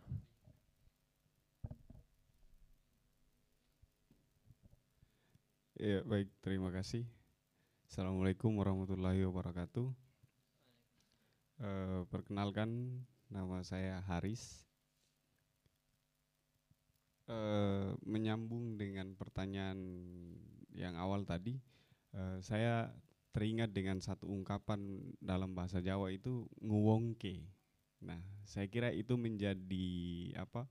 E, lan, bisa dijadikan sebagai landasan, bisa dipahami sebagai landasan filosofis, landasan filsafat pendidikan. Nah, eh, menarik tadi sudah diulas yang terkait dengan nah uh, budaya akademik itu lebih di menurut Pak Ainul Yakin uh, le, uh, mengkaji lebih jauh tentang produktivitas ya uh, dunia akademis. Nah, yang salah satunya adalah uh, soal membaca, uh, riset dan menulis. Nah, itu yang nanti menjadi ukuran uh, apa? Eh, produktivitas dalam dunia akademik. Nah, namun saya hanya uh, pertanyaan saya akan lebih jauh ke sana terkait dengan persoalan itu. Nah, uh, membaca riset dan menulis ini uh, saya kira kalau misalkan tidak diikat dengan prinsip-prinsip nilai kayak misalkan eh, tadi nguwongke dan lain-lain atau tujuan pendidikan maka itu akan menjadi soal juga. Nah, saya contohkan misalkan eh, Samuel P. Huntington itu sangat produktif dalam menulis, banyak buku yang dia tulis. Yang salah satunya misalkan tentang eh, benturan antar peradaban. Nah, buku ini sebenarnya eh, provokasi peradaban yang coba memprovokasi bahwa dua peradaban yang berjumpa dalam satu ruang akan melahirkan dentuman besar dan ini akan melahirkan goncangan. Nah, artinya seakan-akan e, nilai-nilai yang ada di satu tempat dan di tempat lain itu tidak ketemu begitu. Nah, ini dia produktif. Tapi arahnya ke situ gitu. Nah, kemudian buku selanjutnya yang dia tulis misalkan tentang gelombang demokrasi ketiga. Nah, ini malah terjebak pada soal pemilu, soal bagaimana mekanisme pemilu, kemudian apa? e, sengketa pemilu. Nah, hal-hal ini yang yang akhirnya demokrasi kita itu terjebak pada e, apa? E, demokrasi semu yang hanya bicara soal e, e, apa? penataan sistem demokrasinya saja. Nah, nah itu yang yang menjadi pertanyaan produktivitas yang semacam apa gitu loh. Yang kita maksud dari jangan sampai kan kita meneliti banyak-banyak, tapi pada akhirnya juga nggak memanusiakan gitu. Nah, si Clifford Clifford Geertz juga begitu. Raffles yang pada akhirnya memecah eh, apa uh, orang Jawa misalkan menjadi tiga golongan itu dan ini puncaknya di 6566. Nah ini produktivitas yang semacam apa pak? Yang yang itu yang menjadi uh, apa uh, pertanyaan menarik menurut saya bisa diulas lebih jauh terkait dengan uh, produktivitas yang semacam apa. Nah uh, yang sebentar saya akan lupa yang satu ini. Uh, satu hal yang menarik begini pak, ada dua problem bangsa atau negara dunia ketiga, yaitu uh, ini ketika kita tidak menggunakan paradigma substansial ya, tapi menggunakan paradigma relasional. Nah, bagaimana uh, apa? yang tadi sudah disinggung oleh Bapak sendiri terkait dengan bagaimana pesantren mengalami kemunduran ya di pasca perang Jawa itu. Nah, yang yang yang juga harus dikaji di sana adalah uh, penjajahannya, koloniali, kolonialisme yang kemudian dalam aspek uh, pengetahuan kalau dibaca dalam tulisan-tulisannya Asimov itu kan meninggalkan persoalan uh, apa uh, internal pengetahuan yang itu cenderung pada Marsose Company. Dia lebih suka uh, apa mengarah ke barat-baratan begitu. Nah, kemudian dalam konteks uh, ekonomi politik struktural. Nah, ini ini apa? Uh, saya melihatnya bahwa pondok pesantren mengalami itu satu kemunduran itu ketika tidak diberikan ruang dan akhirnya habitusnya ini tidak terbentuk. Dan itu yang menjadi problem. Nah, lalu riset yang seperti apa? Apakah kita akan berkiblat ke Eropa lagi gitu? Ataukah kita kemudian menyambung menyambung ulang tradisi pengetahuan uh, saat ini dengan uh, tradisi pengetahuan dulu di pesantren. Karena saya melihat pesantren dulu kalau bicara soal banyak. Ada ada tulisan-tulisannya mereka. Dan itu santri. Nah kira-kira begitu. Nah riset yang yang kayak bagaimana ini nantinya yang kita mau bicarakan supaya kali opak juga paling tidak mempunyai gambaran riset yang seperti apa. Terima kasih. Assalamualaikum warahmatullahi wabarakatuh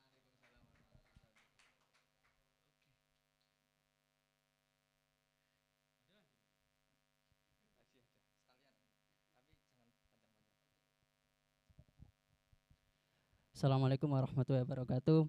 Uh, pesannya jangan panjang-panjang ya.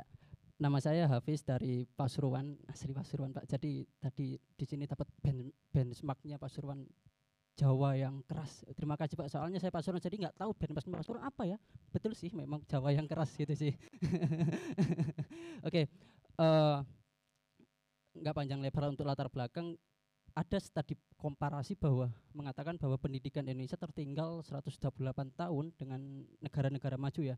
Jadi Inggris dengan Amerika kalau misalkan kita ibaratkan mereka suruh diem di tempat sekarang atau stuck Stanford itu tutup, jadi kita melaju terus nanti 128 tahun kita baru bisa menyamai negara-negara tersebut seperti itu. Uh, dari tadi kita berdiskusi panjang lebar, tapi saya masih mengambang atas akan solusi strategisnya ya, atau solusi spesifiknya mengenai apa yang harus kita lakukan. Soalnya kalau kita hanya berdiskusi, kita hanya uh, al, apa yang kita isi ini hanya berputar di alam pikiran kita, tapi tidak ada langkah yang strategis ataupun langkah teknis yang kita lakukan. Mungkin uh, itu pertanyaan saya. Assalamualaikum warahmatullahi wabarakatuh.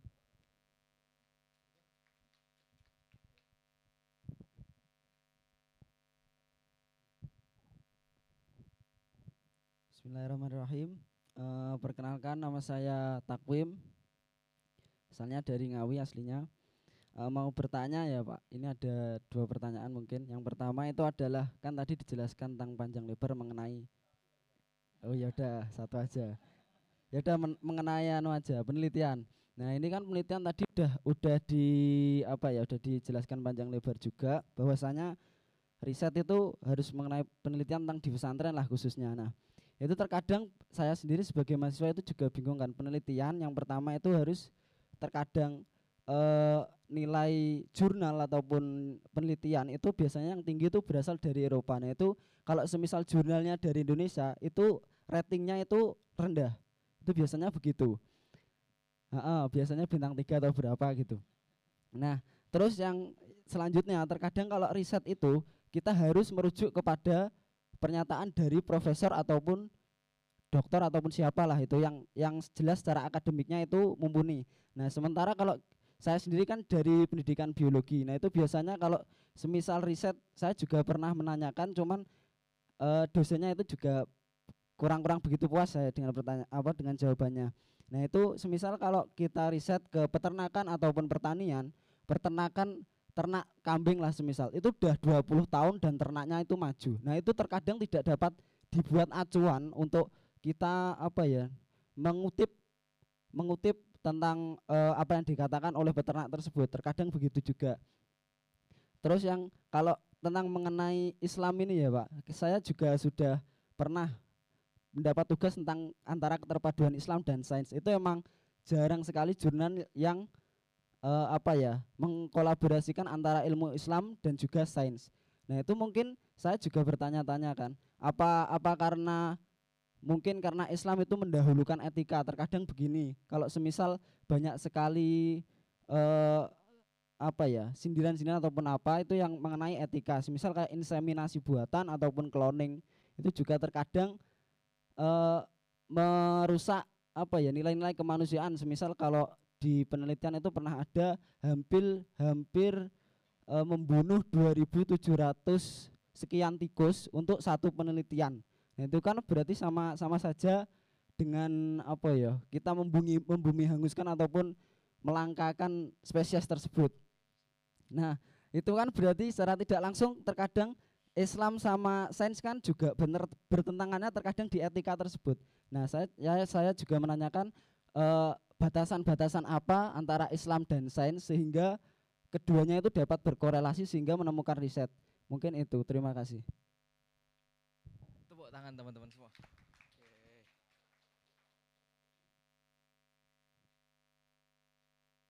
Oke.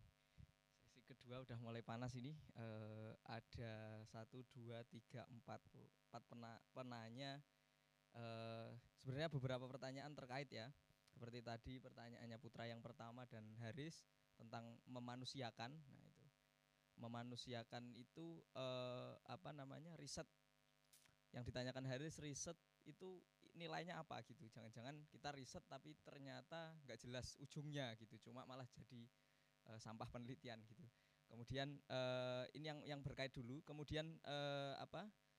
hierarki akademik yang ditanyakan Takwim hierarki ak akademik yang kadang nggak fair gitu kan kita harus mengutip orang nggak tahu siapa dia gitu padahal ada otoritas yang kita tahu petani kambing apa peternak kambing yang 20 tahun maju gitu monggo dijawab dulu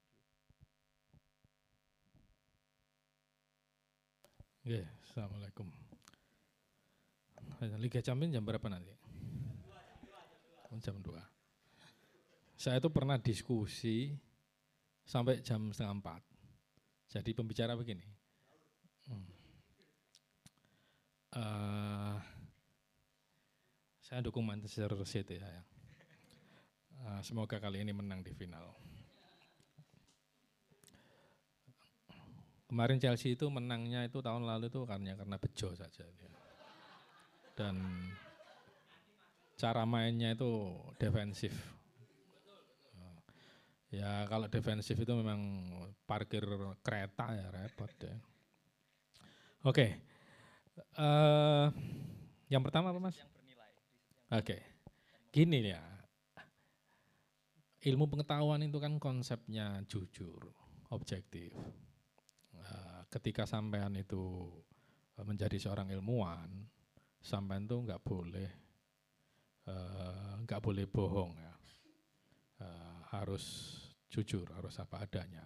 Begitu juga konsep ilmu, nggak boleh bohong. Begitu juga konsep riset. Kalau temuannya uh, ini membuat bahaya ya harus dikatakan membuat bahaya. Kalau dikatakan ini jelek ya harus dikatakan jelek. Gitu. Nggak boleh uh, boleh bohong. Tapi kalau politisi itu biasanya nggak bisa jujur. Tapi ya harus bohong. Kalau jujur itu politisi itu acur katanya. Gitu ya memang benar kalau politisi jujur ya nggak bisa gitu maksudnya dia akan hancur gitu uh, jujur sih baik kalau ada politisi yang jujur tapi itu jarang maksud saya begini riset itu kan objektif. Jadi temuan-temuan dari riset itu ya ya begitu adanya gitu. Tidak bisa misalkan begini. Uh, seorang peneliti kemudian menemukan misalkan nuklir gitu, inti nuklir. Jangan disalahkan ketika dia menemukan inti nuklir gitu. Karena apa? Nuklir itu bisa dipakai untuk hmm, hal-hal yang positif misalkan sedikit nuklir itu bisa untuk uh, apa namanya sebagai tenaga power gitu tenaga listrik misalkan dan itu enggak habis-habis gitu tapi ketika anda pakai batu bara pakai pakai apa namanya sumber sumber uh, fosil minyak untuk diesel gitu itu habis dan itu merusak itu merusak alam tapi kalau kira-kira perbandingannya, kalau sama menemukan nuklir, pakai nuklir, dan itu listriknya bisa murah. Dan itu nuklir itu jarang sekali nuklir itu bocor. Jarang sekali kasus nuklir itu bocor. Memang kalau nuklir itu begitu bocor, ada kesalahan bocor gitu. Itu sangat berbahaya memang. Tapi kejadian itu kan tidak banyak. Tapi kalau Anda ngambil dari alam batu bara di, di dan minyak, khususnya batu bara di Kalimantan tuh. Anda ngambil untuk tenaga listrik di Python, di Batang, di Jakarta, Anda ambil itu, habis itu.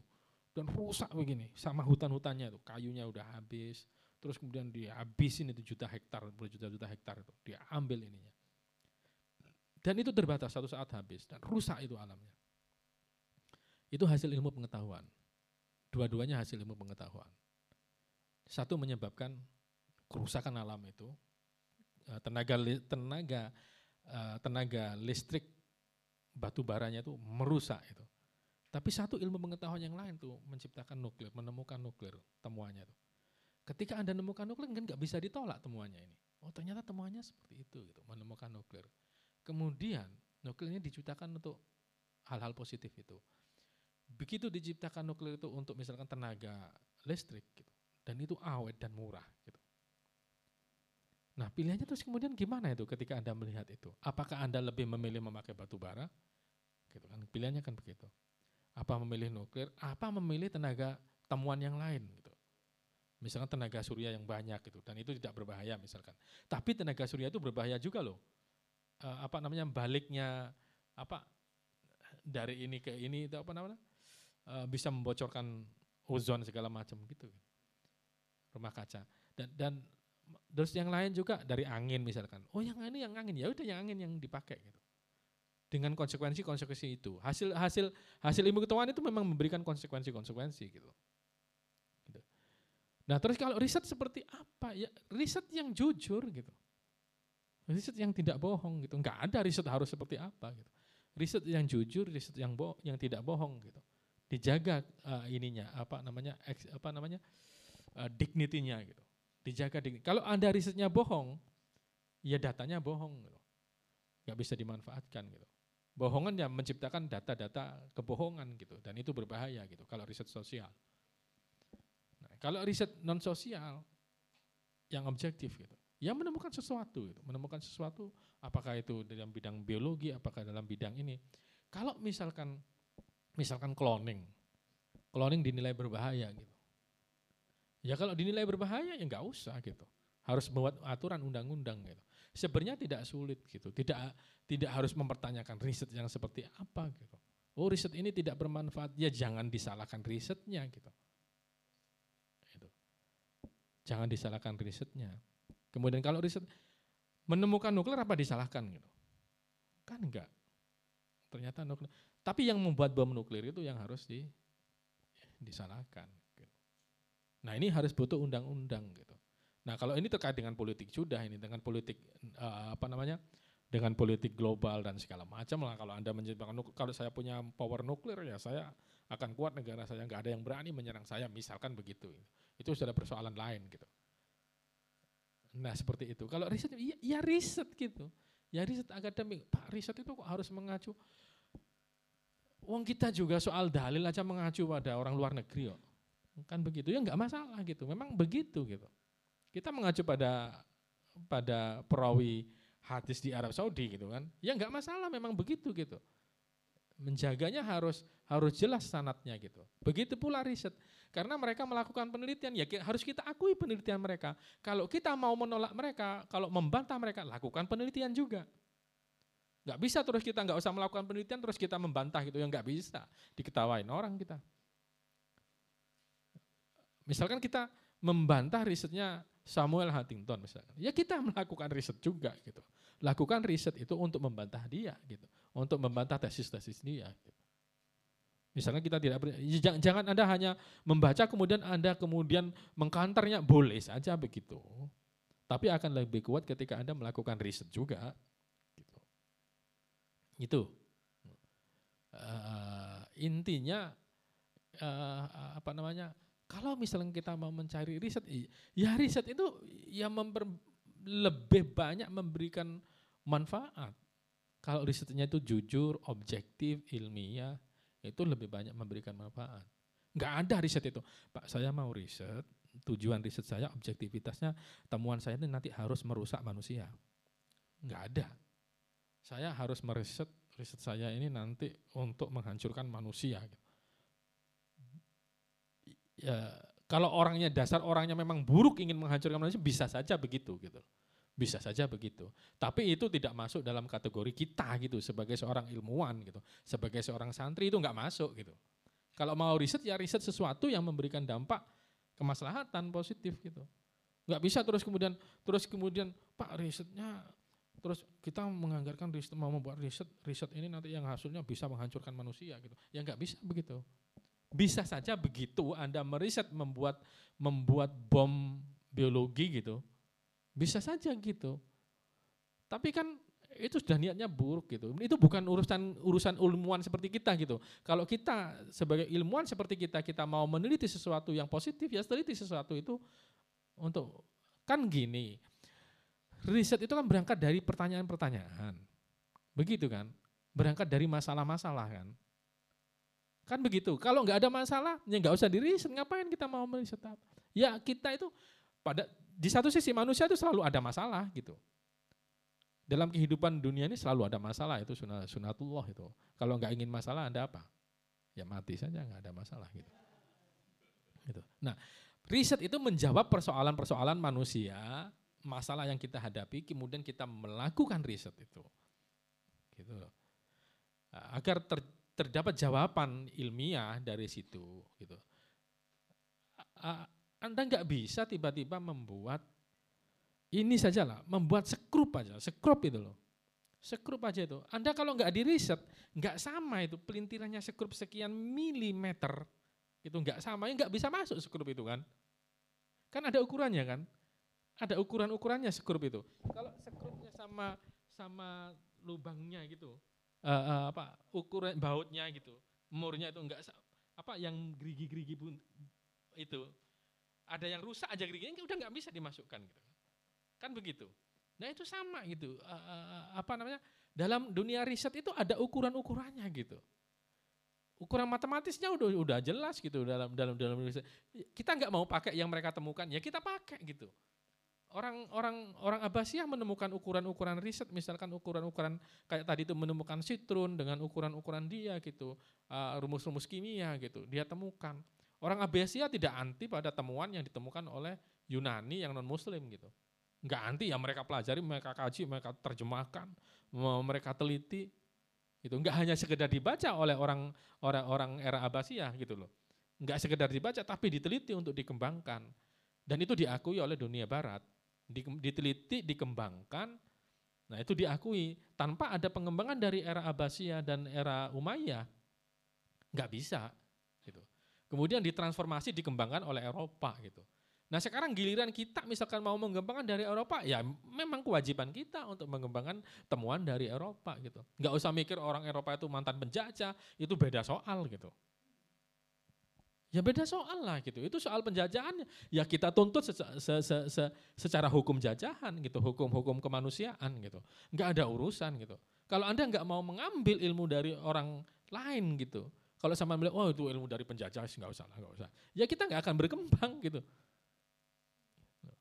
Kalau masih melihat seperti itu gitu. Nah soal penjajahan ini soal lain, ini soal hukum, soal melanggar hak asasi manusia itu soal lain gitu. Soal ilmu ya berbeda. Jangan kemudian Anda menjadi anti uh, uh, sesuatu yang itu tidak pada tempatnya gitu.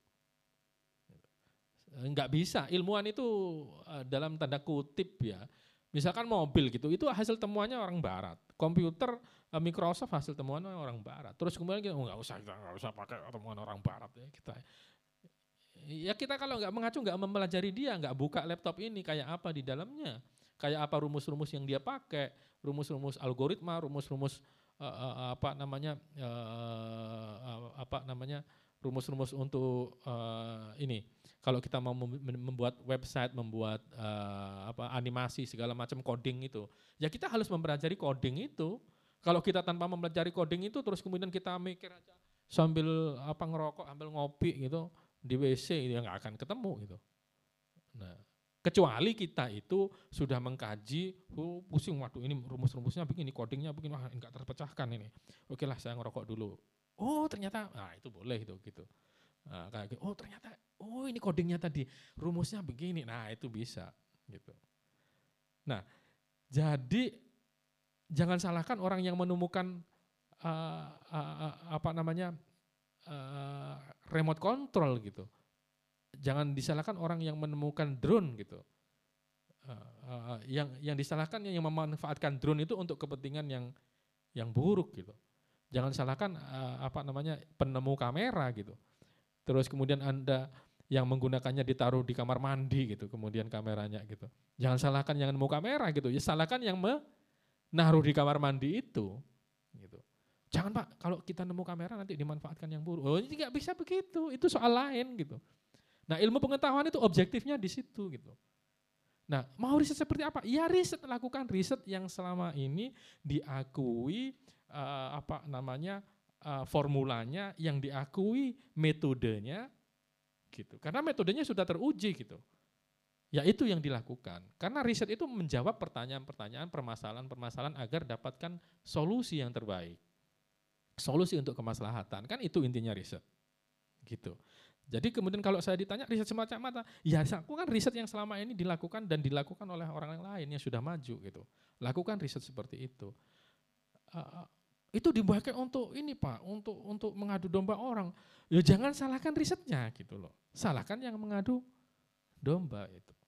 Nah itulah konsep ilmu pengetahuan. Makanya ilmu pengetahuan itu nggak akan mungkin uh, maksudnya dari satu sisi itu uh, uh, apa namanya ilmu pengetahuan itu salah gitu. Dalam maksudnya gini, orang yang mencari ilmu itu salah itu enggak, enggak enggak bisa begitu gitu.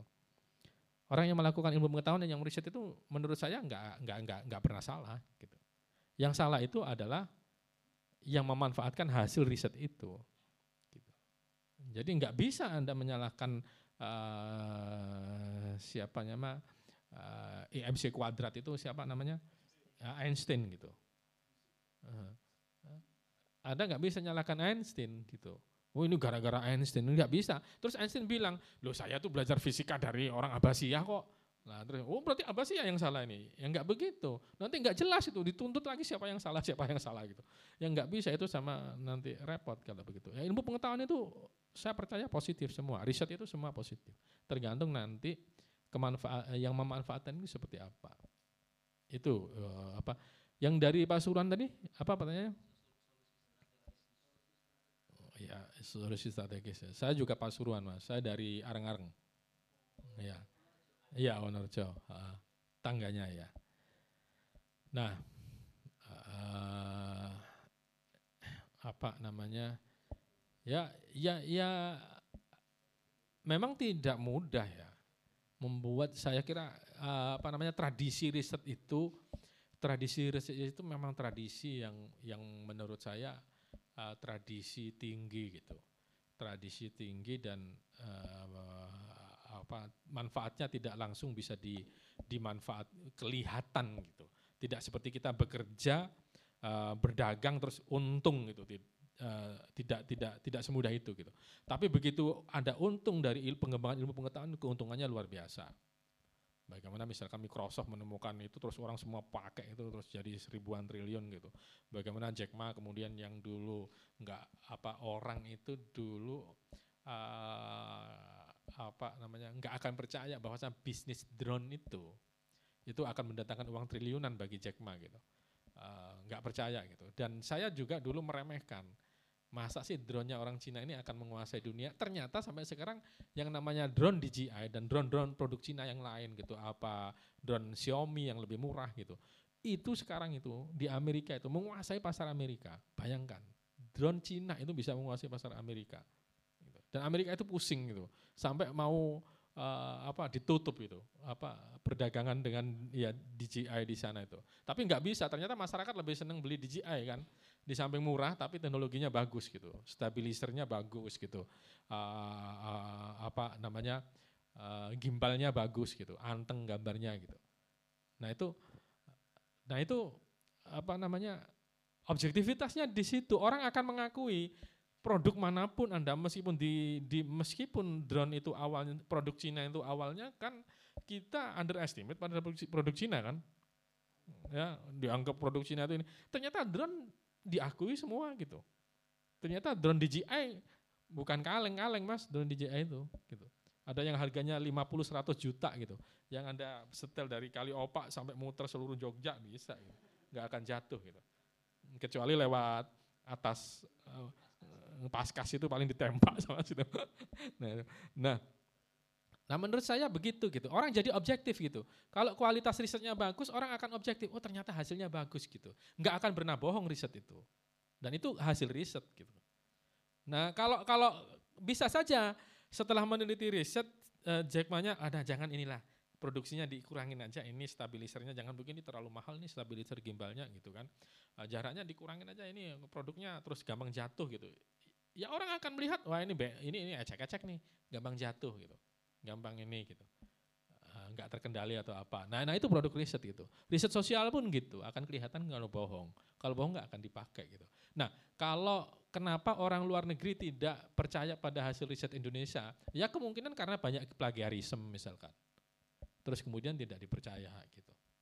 Tapi ada standarisasi dalam riset itu termasuk standarisasi dalam jurnal itu menurut saya menarik ada standarisasi. Meskipun Scopus itu bisnis ya, tapi di situ ada standarisasi. Seharusnya nggak usah pakai Scopus nggak apa-apa, tapi tetap menjaga tetap menjaga kualitasnya gitu. Ya, apa namanya objektivitasnya. Itu yang yang penting gitu. Uh, tadi apa Mas yang terakhir?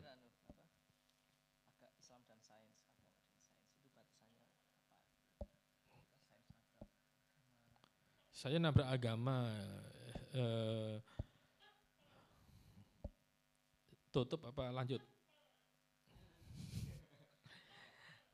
Eh, maksud saya begini, eh, saya saya agak bingung sendiri juga sebenarnya. Apa saya itu pernah bertambahkan dengan agama gitu dalam beberapa hal gitu. Uh, tapi kalau misalkan bertabrakan gitu kan itu ada ada tugasnya ilmu pengetahuan yang lain gitu. Misalkan orang teman-teman yang menekuni fikih gitu, syariah, itu tugas mereka untuk mengkaji uh, apakah hasil risetnya itu uh, apa bertentangan dengan akidah. Misalkan kan begitu. Uh, makanya dalam beberapa hal itu uh, lembaga Basul Masail misalkan melakukan hal itu gitu. Dari mengkaji beberapa temuan-temuan itu misalkan kayak cloning ya. Cloning itu dalam hasil hasil ininya gimana dulu? Cloning itu uh, hasil Basul Masailnya di PBNU. Oh gitu. Oh ya kalau Indonya ya kalau oh itu anu bayi tabung ya. Nah ya kalau bayi iya kalau kalau klon kalau cloning kayaknya belum dan cloning itu kayaknya memang berbahaya sih.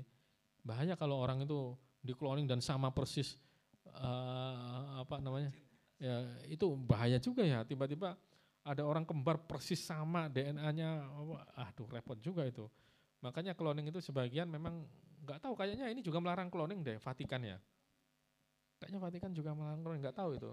Uh, mungkin bisa dikaji lebih lanjut. Tapi itu tema menarik mas. Itu tema menarik soal uh, uh, apa namanya yang bertentangan dengan dengan agama itu. Tapi untuk riset-riset yang umum saya kira jadi kita melihatnya coba melihat dari sisi uh, ini.